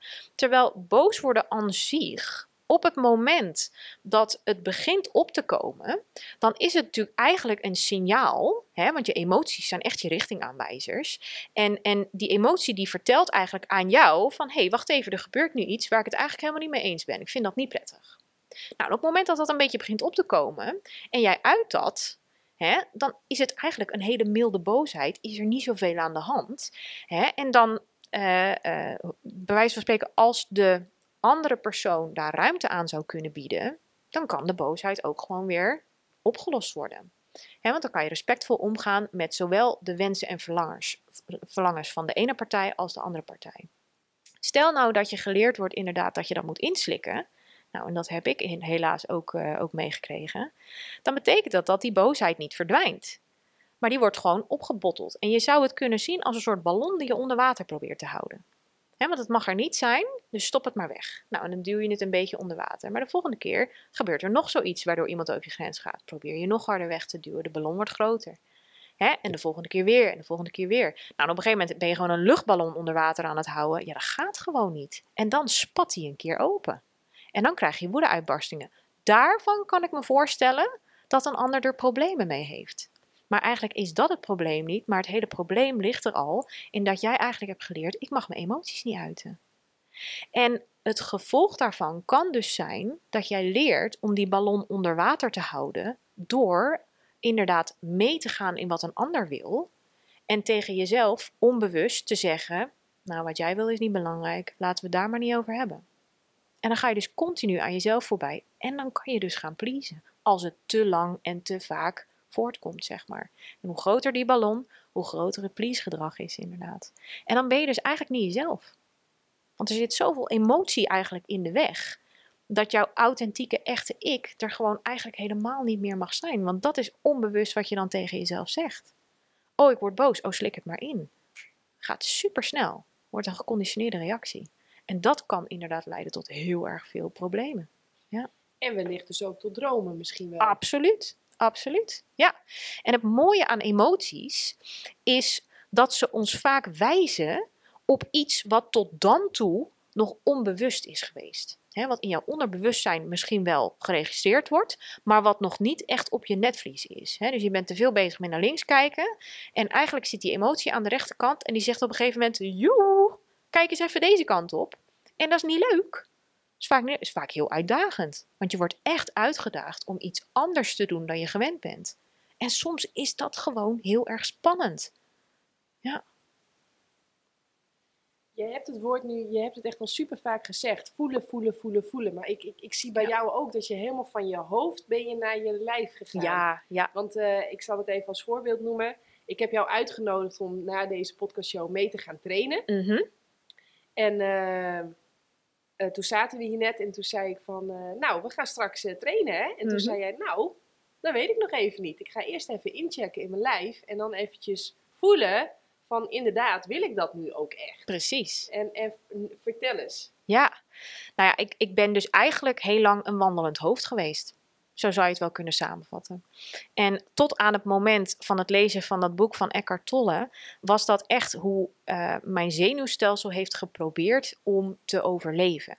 Nou, en dat klinkt misschien heel dramatisch, maar eigenlijk was het ook wel zo. Want aangezien mijn ouders vroeger helaas niet de vaardigheden hadden om dus adequaat te reageren op mijn emoties, op mijn behoeften, uh, betekende dat dat ik eigenlijk continu de feedback kreeg van ja het is hier niet echt helemaal uh, de, de geschikte situatie om uh, zeg maar voor jezelf te gaan, gaan opkomen en te vragen om wat je nodig hebt. Nou, en daardoor heb ik geleerd, dus ik heb gekozen om zeg maar dan te proberen om met mijn hoofd te gaan voorspellen en na te denken van oké, nou dit is de situatie en als ik nu dit soort dingen zeg, dan, nou, dan, dan reageert mama daar eigenlijk niet zo goed op. Oké, nou dan kan ik beter dat soort dingen niet zeggen, maar oh, als ik dat soort dingen zeg, dan reageert ze wel. Nou, dan kan ik beter dat soort dingen doen. Dus mijn hoofd is uit een soort overlevingsreactie heel erg hyper alert geworden. Die is echt gaan scannen naar allerlei mogelijke uh, uh, zeg maar factoren om te kunnen voorspellen: oké, okay, wanneer kan ik regelen dat ik wel krijg wat ik uh, nodig heb en, en wanneer moet ik er eigenlijk zo ver mogelijk van wegblijven? Is het niet gewoon natuurlijk gedrag? Doet niet iedereen dit? Ben je niet als kind de hele tijd bezig? En dat is, dat is ook wat het ego is. Hè? Je, gaat, je gaat de hele tijd strategieën bedenken Mhm. mm -hmm. om maar lief, leuk en aardig gevonden te worden, zodat je maar geaccepteerd wordt in eerste plaats door je ouders. En in tweede plaats hè, wordt dat steeds groter. Je ouders, de buren, de juf, de meester, de oppas. Zeker. Ik denk dat het um, uh, van nature in iedereen zit. En dat is ook logisch, hè? Ja. Want uh, wij zijn ook afhankelijk als, als baby's en als Ja. kinderen van onze omgeving Precies. om het te overleven. Dus het is niet per se erg. Het Nee. is ook niet per se schadelijk. Nee. Het is alleen, ja, Maar alleen wanneer je dus in een omgeving zit die echt niet adequaat reageert op wat je aangeeft, dan kan het tot problematische groottes eh, worden ontwikkeld. Hè? Dus eh, doordat ehm, eh, als kind probeer je natuurlijk altijd om, om je zeg maar een soort beloning te krijgen van je ouders, hè? van dat je inderdaad gedrag vertoont wat zij fijn vinden om te zien.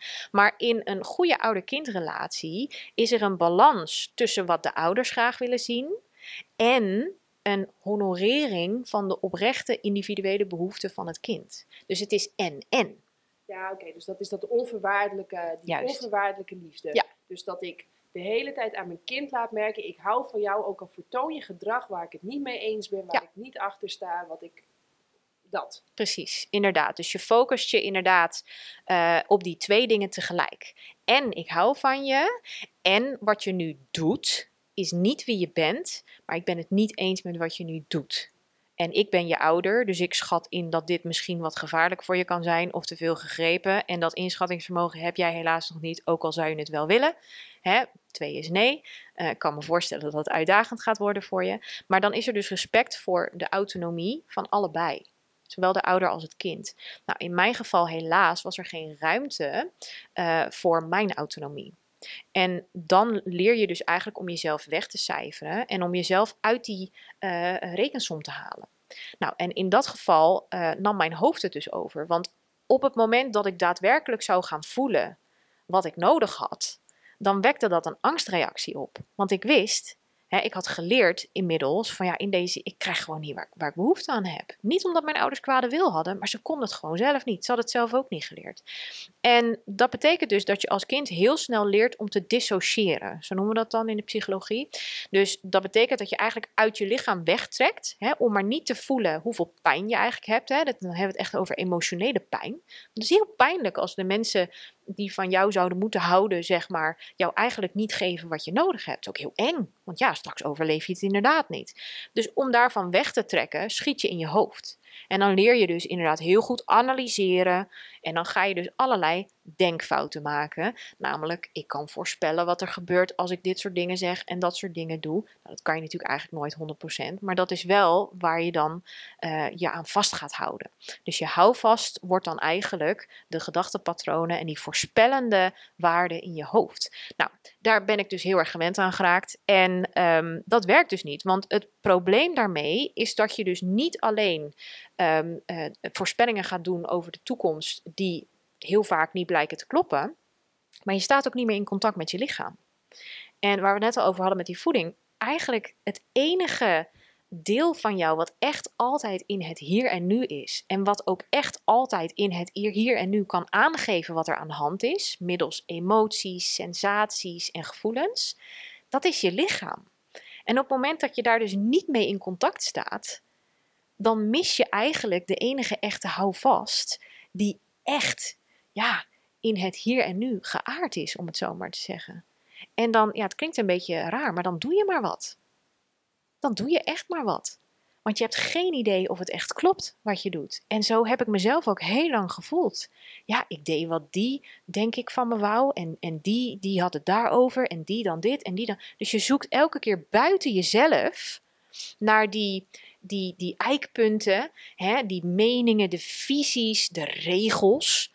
De. Ja, heel erg die bevestiging. Maar die enige bevestiging die je eigenlijk echt nodig hebt, dat is die van je eigen hart. Want je hart klopt altijd.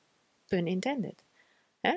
Dus ehm, ik heb, eh, nou ja, wat ik al zei, hè, wat, je in het begin al zei, van ja, door, dan, dan ga je dus op een gegeven moment maar mee, bijvoorbeeld, oh nou, eh, drugs, nou dat zal het dan wel zijn, want die hele groep die doet dat en die is er helemaal lyrisch over. Nou, en dat vond ik natuurlijk heel fijn, want dat verdoofde enorm. Hè? En dat zorgde er eigenlijk voor dat ik de pijn die in mijn lichaam vastzat, al die ballonnen die ik maar onder water probeerde te houden, nou, die voelde ik al helemaal niet meer. En ik voelde alleen maar leuke, positieve, fijne emoties, weet je wel. Dat lijkt dus te helpen, maar dat helpt natuurlijk helemaal niet, want je breekt je lichaam helemaal af. En je gaat eigenlijk nog verder van jezelf wegstaan. Dus al die stappen die ik heb gezet in een poging om maar houvast te vinden in iets buiten mezelf, die leiden uiteindelijk tot die depressie, die angsten, al die negatieve ervaringen, die slaapproblemen, et cetera, et cetera, et cetera.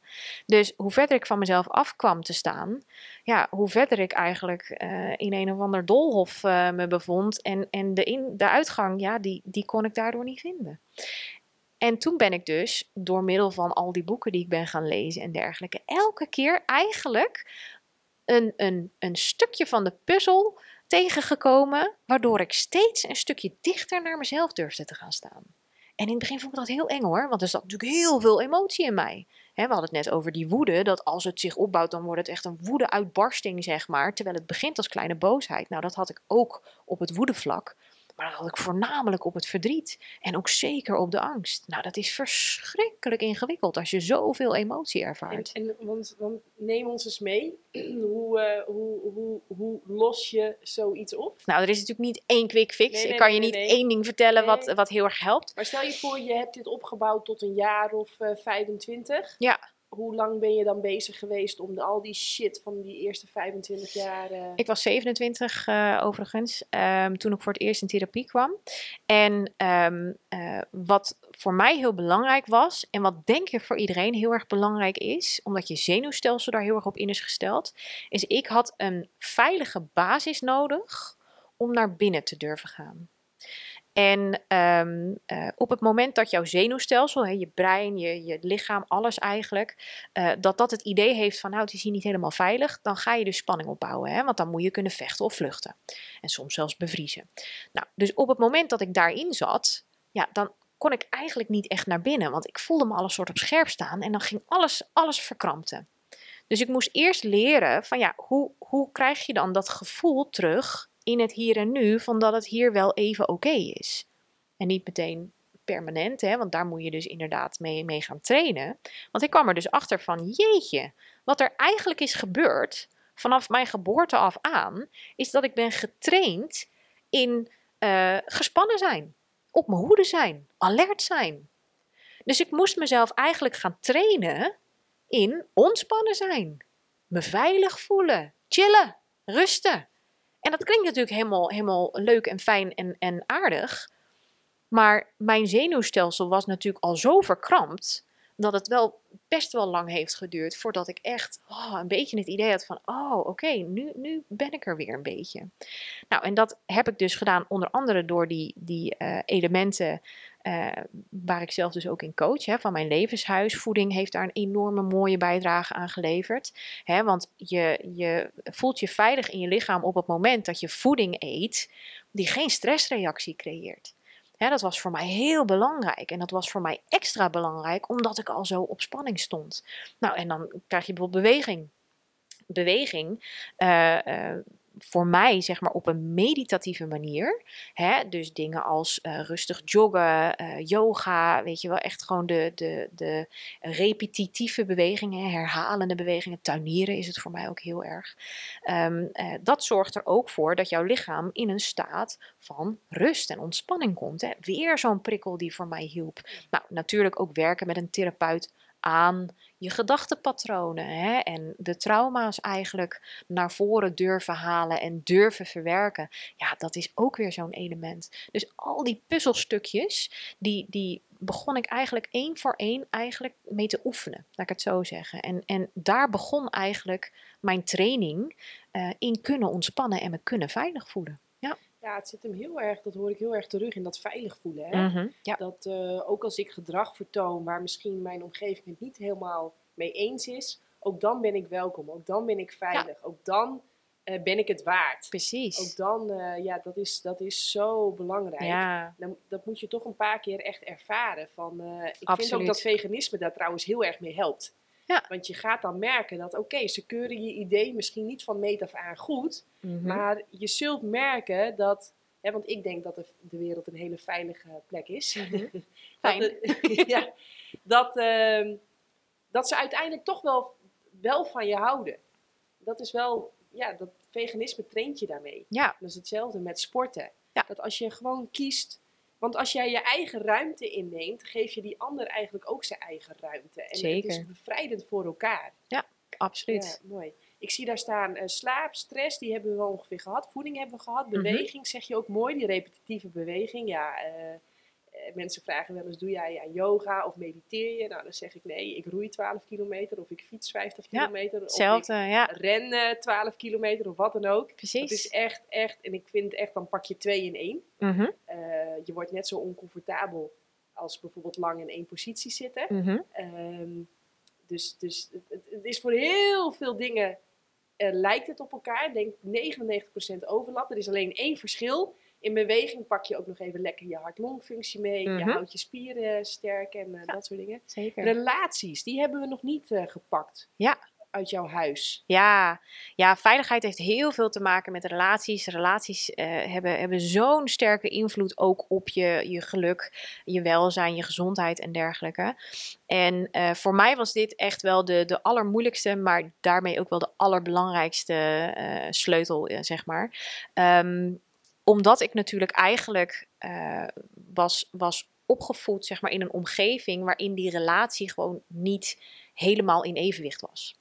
Dus het was niet een en-en-relatie. Het, was, het was echt gericht op, nou ja, mijn ouders, die maakten de, eh, zeg maar, dat was wel belangrijk. Maar ik zelf, ja, ik, ik kon daar gewoon mezelf niet in uiten. En heb je dan hele strenge ouders of hele angstige ouders? Of Eh, hele... Allebei. Oh. Ja, ja, dus eh, vaak zijn hele strenge ouders ook hele angstige ouders. Ehm, en ik had een hele angstige vader, eh, heb een hele angstige vader moet ik zeggen, ze leven allebei nog. En een vrij strenge autoritaire eh, moeder inderdaad. Nou, en die, die twee elementen, dus dat betekent dat mijn vader heel vaak afwezig was. Hè, op het moment dat ik eigenlijk behoefte had aan steun of in elk geval een volwassen persoon die, die naast me kon staan. Hè, dus dat, dat kon hij niet. Ehm, eh, en bij mijn moeder ging het heel erg om haar regels volgen. Dus die vond het heel erg moeilijk. Die had zelf ook nooit geleerd van ja, hoe stem ik dan af met mijn kind. Die was zelf ook heel autoritair opgevoed. Dus die, dat, dat, eh, eh, vaak hou je die stijl dan zelf ook aan. Eh, dus ik leerde daarin van, oh, nou als ik echt steun nodig heb, nou dan kan ik het bij mijn vader helaas niet krijgen. Eh, want die, die, die geeft gewoon niet thuis, zeg maar. Ja, en bij mijn moeder, als ze een goede dag heeft, misschien wel. Maar het zou ook maar zomaar kunnen zijn dat ze dan gaat zeggen van, nou nee, eh, het moet zo, zus en zo. En dan wordt er alsnog niet naar mij gekeken, zeg maar. Dus mijn model van hoe relaties in elkaar zitten, hè, dat, dat ontwikkelde ik vanuit die twee persoonlijkheden die eigenlijk mij aan alle kanten aangaven, nou, eh, op ons hoef je niet te rekenen hoor. Je moet het allemaal zelf doen.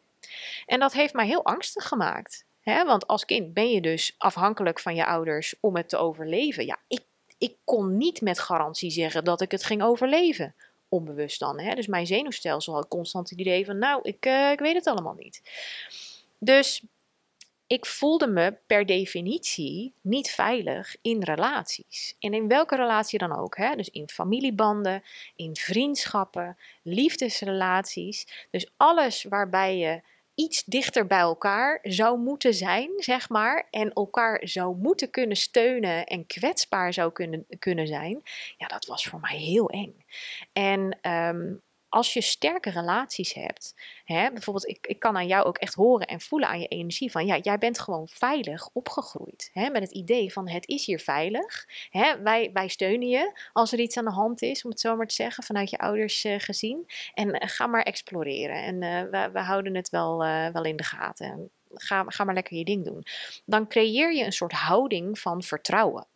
Van ik vertrouw erop dat ik me wel red dat het wel oké is. Misschien dat er hier en daar iets misgaat, maar oké, daar dealen we dan wel mee. Wat ik heb geleerd daarentegen is heel bang zijn. En altijd er maar van uitgaan dat het mis zou gaan. En dat ik niemand had om op te steunen. Nou, je kan je voorstellen wat dat voor een invloed heeft op je relaties. Ik durfde mezelf niet te zijn. Want als ik mezelf zou zijn, dan zou ik moeten weergeven wat ik voelde en waar ik behoefte aan had. En ik had natuurlijk geconditioneerd gekregen van, nou, als je dat doet, dan is er niemand thuis. Of als je dat doet, nou, dan wordt er iemand boos en streng. Ja, en hoe, hoe, hoe want hè, dit is hoe. Eigenlijk wat jij zegt is dus dat het heel belangrijk is dat je in eerste plaats je vertrouwt op jezelf en op je eigen gevoel en op je eigen behoeftes en dat die er mogen zijn. Mhm, Ja, En de volgende stap wordt dat je dan gaat leren dat je ja, ook op die ander vertrouwt. Ja, ik zeg altijd, eh, spiritualiteit is eigenlijk eerst in eerste plaats eh, vertrouwen op jezelf, vertrouwen op de ander en vertrouwen op het grotere. mhm, En als ja. je dat kunt, dan ben je een heel spiritueel persoon. fantastisch. Ja, Eh, mensen denken altijd bij spiritualiteit dat je dan heel goed kunt mediteren en heel erg van wierook houdt en graag op sandalen loopt. Ja, volgens mij is spiritualiteit dat. Ja. Jezelf, de ander en het grotere. Als precies. je daar vertrouwen in hebt, ja, ja dan wordt het heel leuk. Juist, ja. En precies wat je nu doet, hè. Dan, dan kom je ook in die staat van ontspanning. En op het moment dat je in die staat van ontspanning verkeert hè, en je hebt inderdaad vertrouwen, dan ben je zowel in verbinding met jezelf, Hè? En dan heb ik het over je bewustzijn zelf, maar ook echt je lichaam. Maar dan kan je dus ook heel goed in verbinding staan met alles om je heen. Of het nou mensen zijn of dieren, wij zijn ook dieren, de natuur, et cetera, et cetera. En dan ga je ook weer in je kracht staan.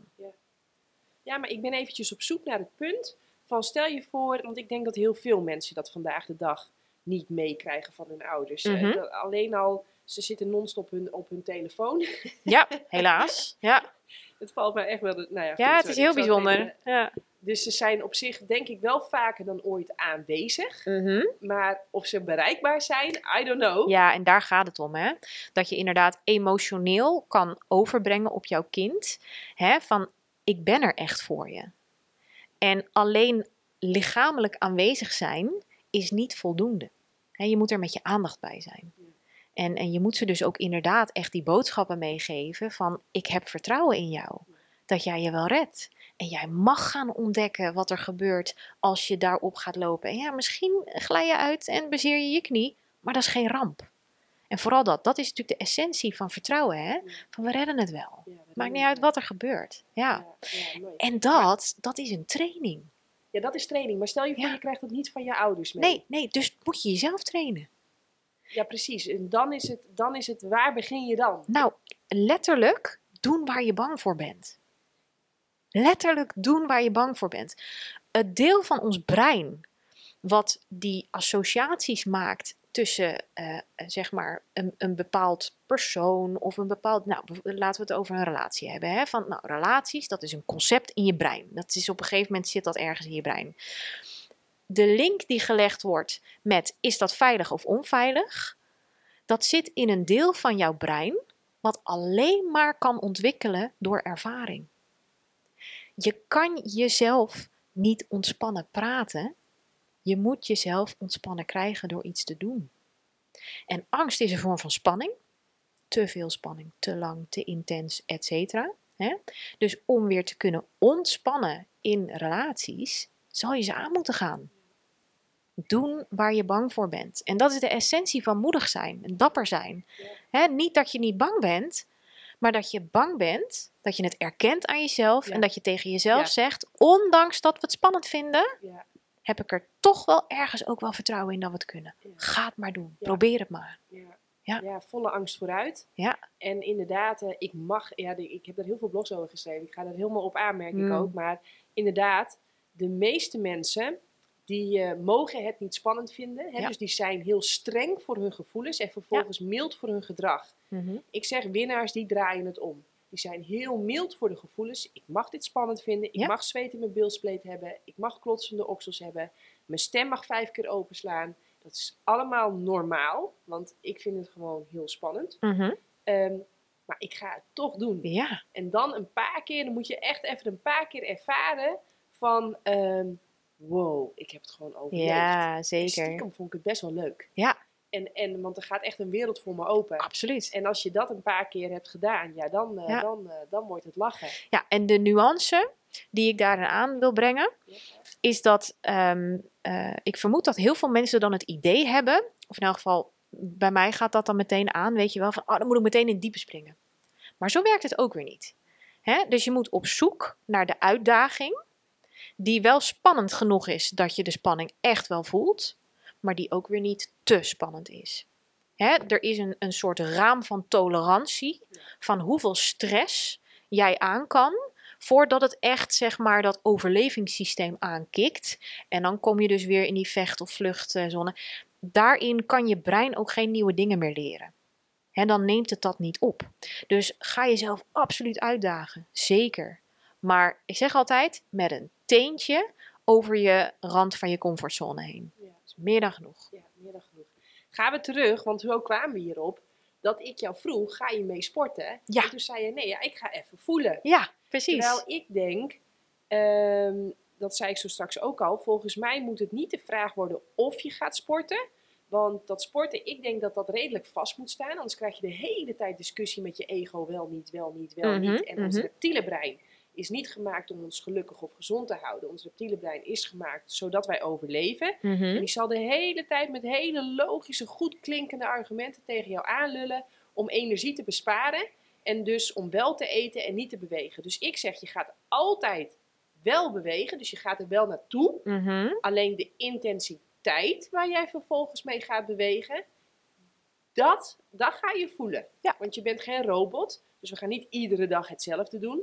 Sowieso temporiseren. En jij Mhm. had het over die mooie cirkel. Ja. Inspanning, ontspanning. Ja. Nou, ik denk als het iets is wat je van een topsporter kan leren. Hè, die doet niks anders dan inspannen, ontspannen. Ja, En wat doen nou de meeste mensen? Die zitten eigenlijk, vind ik, veel te lang op eenzelfde niveau van Mhm. rammen, rammen, rammen. Op een gegeven moment is het eigenlijk helemaal geen rammen meer. Het is ook helemaal niks meer, maar het is maar eentonig, monotoon. Mm, ja. Dus wel gaan en dan ja, voelen van wat is het voor, voor, voor dag vandaag?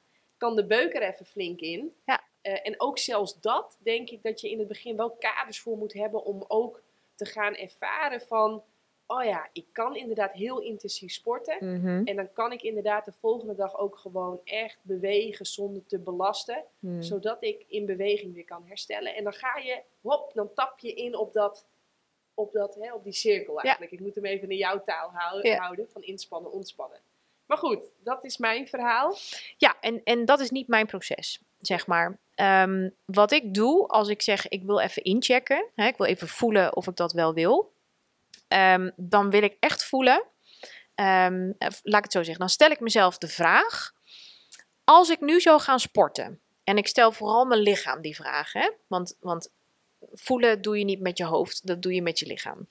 Dus als je eh, aan je lichaam eh, zeg maar even incheckt, dan, dan vraag ik dus, als ik nou ga, sporten, hè, ik zou nou eh, met jou meegaan, ehm, voel ik dan duwkracht of voel ik dan trekkracht? En ik zal eens even uitleggen wat ik daarmee bedoel. Duwkracht betekent eigenlijk dat ik een soort van weerstand voel en dat ik het idee heb dat ik mezelf er naartoe moet duwen. Beetje log, beetje stug. Hè? Nou, en weerstand, ja, dat is eigenlijk helemaal niet fijn. En om jezelf dan zover te krijgen, ja, dat kost heel erg veel moeite. Trekkracht daarentegen, dat zou je ook kunnen vertalen als aantrekkingskracht. Verlangen. Verlangen, inderdaad. Ja, want ik merk al echt dat ik, ik wil van deze stoel af. Ja, ja, Ik wil er naartoe. ja, ja, Ik ben ook, ik weet niet wat we gaan doen, maar ja, ik, ik wil er naartoe. precies. Dus dan word je aangetrokken door hetgene eh, waar je, zeg maar, eh, naartoe wil gaan. Ja. En dat, dat is veel lichter, dat is veel makkelijker. Dat voelt veel meer als, ha, daar komt hij weer, willen. Ja. Terwijl die duwkracht, dan zou ik eigenlijk tegen mezelf, ja, nou, nou moet je wel. Ja.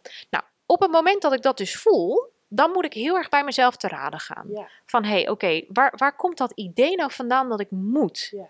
Betekent dat nou dat ik een bepaald oordeel over mezelf heb bijvoorbeeld? Als je niet gaat sporten, dan... Ja. Je hebt het nou eenmaal gezegd, dus... Het zit al die overtuigingen en die, dat gekwek van het ego. Ja, dus ja, heel erg ego. allemaal. Precies, inderdaad. Dan ga ik daar eigenlijk naar luisteren. En ehm, eh, op het moment dat ik het idee heb van... Nou, weet je... eh, al dat geklets, laat maar even. Laat ik gewoon eens even inchecken. En ik vraag mijn lichaam, heb ik er energie voor? Dan krijg ik meestal een zuiver antwoord. Hè? Want het gekwek... Dus geeft het me energie of kost het me energie? Juist, inderdaad. En natuurlijk, als je gaat sporten, dan kost het altijd wat energie. Ehm, maar als je het goed doet, dan krijg je er ook heel veel plezier van. En op het moment dat jouw energie, zeg maar, zo in balans is, dat het het idee heeft van, hé, hey, nou, die, die uitgifte, wow, die heb ik wel over Ja. voor het plezier wat ik ervoor terugkrijg. En dan zit daar balans in. En mijn lichaam kan veel beter aangeven of ik daar aan toe ben Ja. dan dat gekwek in mijn hoofd. Hè? Dus dat gekwek in mijn hoofd, dat, dat moet ik eigenlijk zoveel mogelijk uitzetten. En dan is het gewoon eventjes inchecken, inderdaad. Ja, maar ik kan me helemaal voorstellen dat ik, overrol, ik overrompel jou daarmee. Hè? Want ik app jou letterlijk, denk ik, één minuut voordat je de auto instapt hier naartoe. Van neem even je sportspullen mee, gaan Mhm. we even trainen samen. Ja. Ik kan me helemaal voorstellen, jij weet niet wat we gaan doen. Jij weet niet waar we naartoe gaan. Jij weet niet. Want ik had dat ook wel vroeger als ik dan met die jongens ging fietsen. En met Dion Beukenboom heb ik dan veel gefietst. Nou, die heeft het werelduurrecord aangevallen. Als ik Oh. bij hem in zijn wiel zat, dan was dat echt altijd met het snot voor mijn ogen. En dan, en dan beet ik echt symbolisch in dit wiel. En dan moest ik vasthouden en overleven. Dat kon ik alleen als we van tevoren af gingen spreken. Hoe lang we gingen fietsen en waar we dan van, van langs gingen fietsen. Ja, ja. Want dan kon ik bepalen van oké, dat kan ik voor zo lang, dan moet ik het zo doseren. Dan, eh, hè, dan, Daar dan- zijn ze weer, hè, die kaders. Ja, de kaders. ja, ja. Als hij ging zeggen, ja, eh, ik weet even niet waar we langs gaan fietsen, je blijft maar gewoon in mijn wiel en als je, als, je, als je over moet nemen, dan hoor je het wel. Dan vond ik dat lastig. is onvoorspelbaarheid. Heel onvoorspelbaar. En dan zat ik echt soms te janken in zijn wiel, want dan Ja. had ik bijvoorbeeld 's ochtends al heel hard getraind. Dan wist ik niet van, oh, hoe lang nog en kan ik dit wel volhouden? En dan begon die stem echt flink te kletsen. Precies, ja. Dus ik kan me ook voorstellen in jouw geval dat ik veel te weinig informatie heb gegeven. Dat het gewoon te spannend, te onbekend, te... En dus vroeg ik daarnaar. En dit is dus verantwoordelijkheid nemen. Want jij bent niet verantwoordelijk voor het geven van al die informatie. Maar jij, jij weet niet wat er in mij gebeurt. Op het moment dat ik daadwerkelijk registreer. Want ik, ik voelde het inderdaad hoor. Een beetje van: oh, oh jee. En ik vroeg het ook aan je: Goh, wat ben je, wat ben je allemaal van plan dan? Hè? Dan neem ik dus de verantwoordelijkheid door eigenlijk ervoor te zorgen dat die kaders duidelijk worden. Want inderdaad, onvoorspelbaarheid is echt een signaal voor jouw zenuwstelsel om te zeggen: oeh, dat kan zomaar betekenen dat we opgegeten worden. En daar is die onveiligheid weer.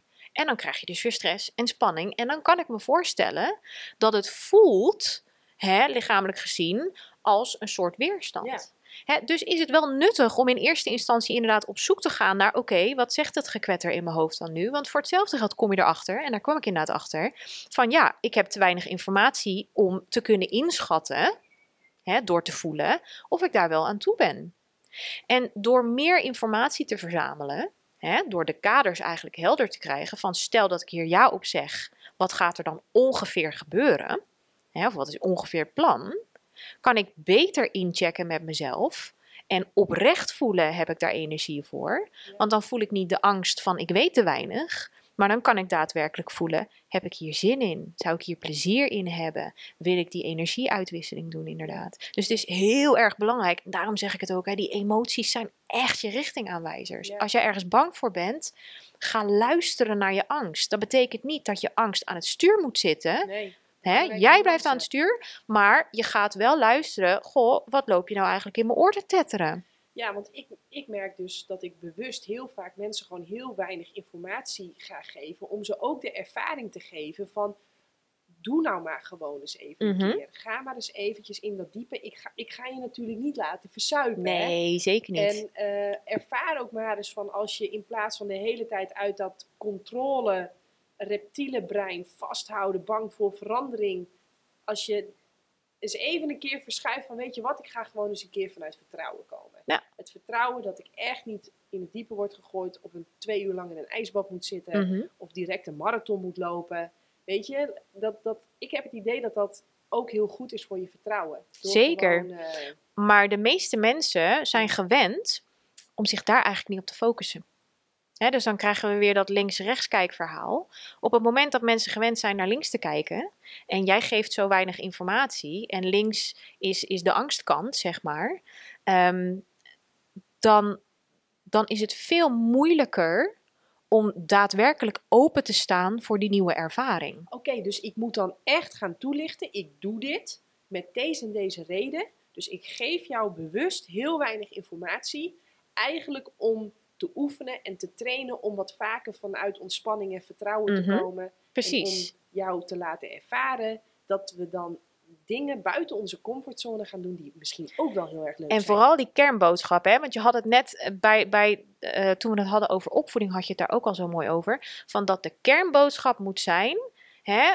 Of het nou vanuit een ouder naar een kind is, of vanuit een trainer naar een trainee, of, of vrienden onder elkaar, weet je wel. De kernboodschap moet altijd zijn: je kan op mij bouwen. En als ik merk dat jij het niet meer trekt, dan ga ik het checken bij jou en dan mag jij het aangeven.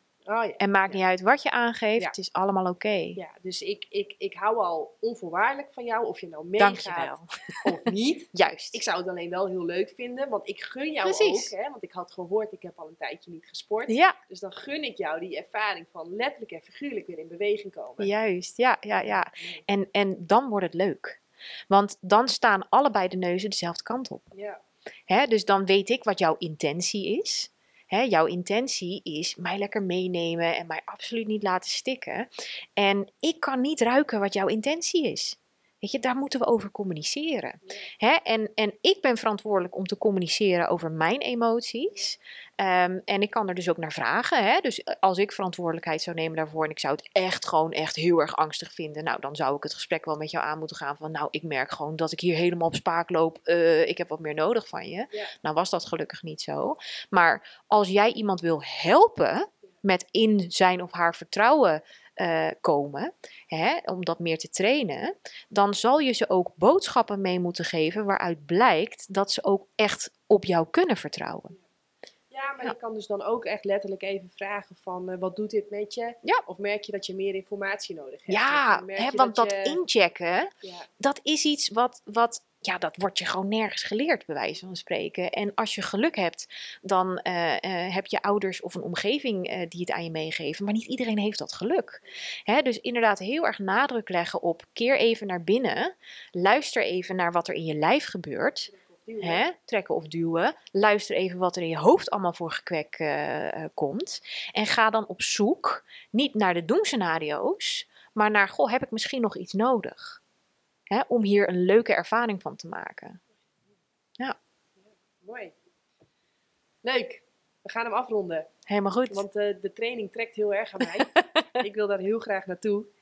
Voor jou heel erg bedankt. Heel erg gaaf dat je geluisterd hebt en uh, je hebt zelfs misschien wel gekeken. Vind je dit gaaf? Deel het dan volop op je social media. Je mag ook naar jannekevandermeulen.nl gaan en dan zoeken naar de knop doneren, zodat we dit werk voort kunnen zetten. En dan zou ik zeggen, Dankjewel en tot de volgende keer. Doei! Top! Yes!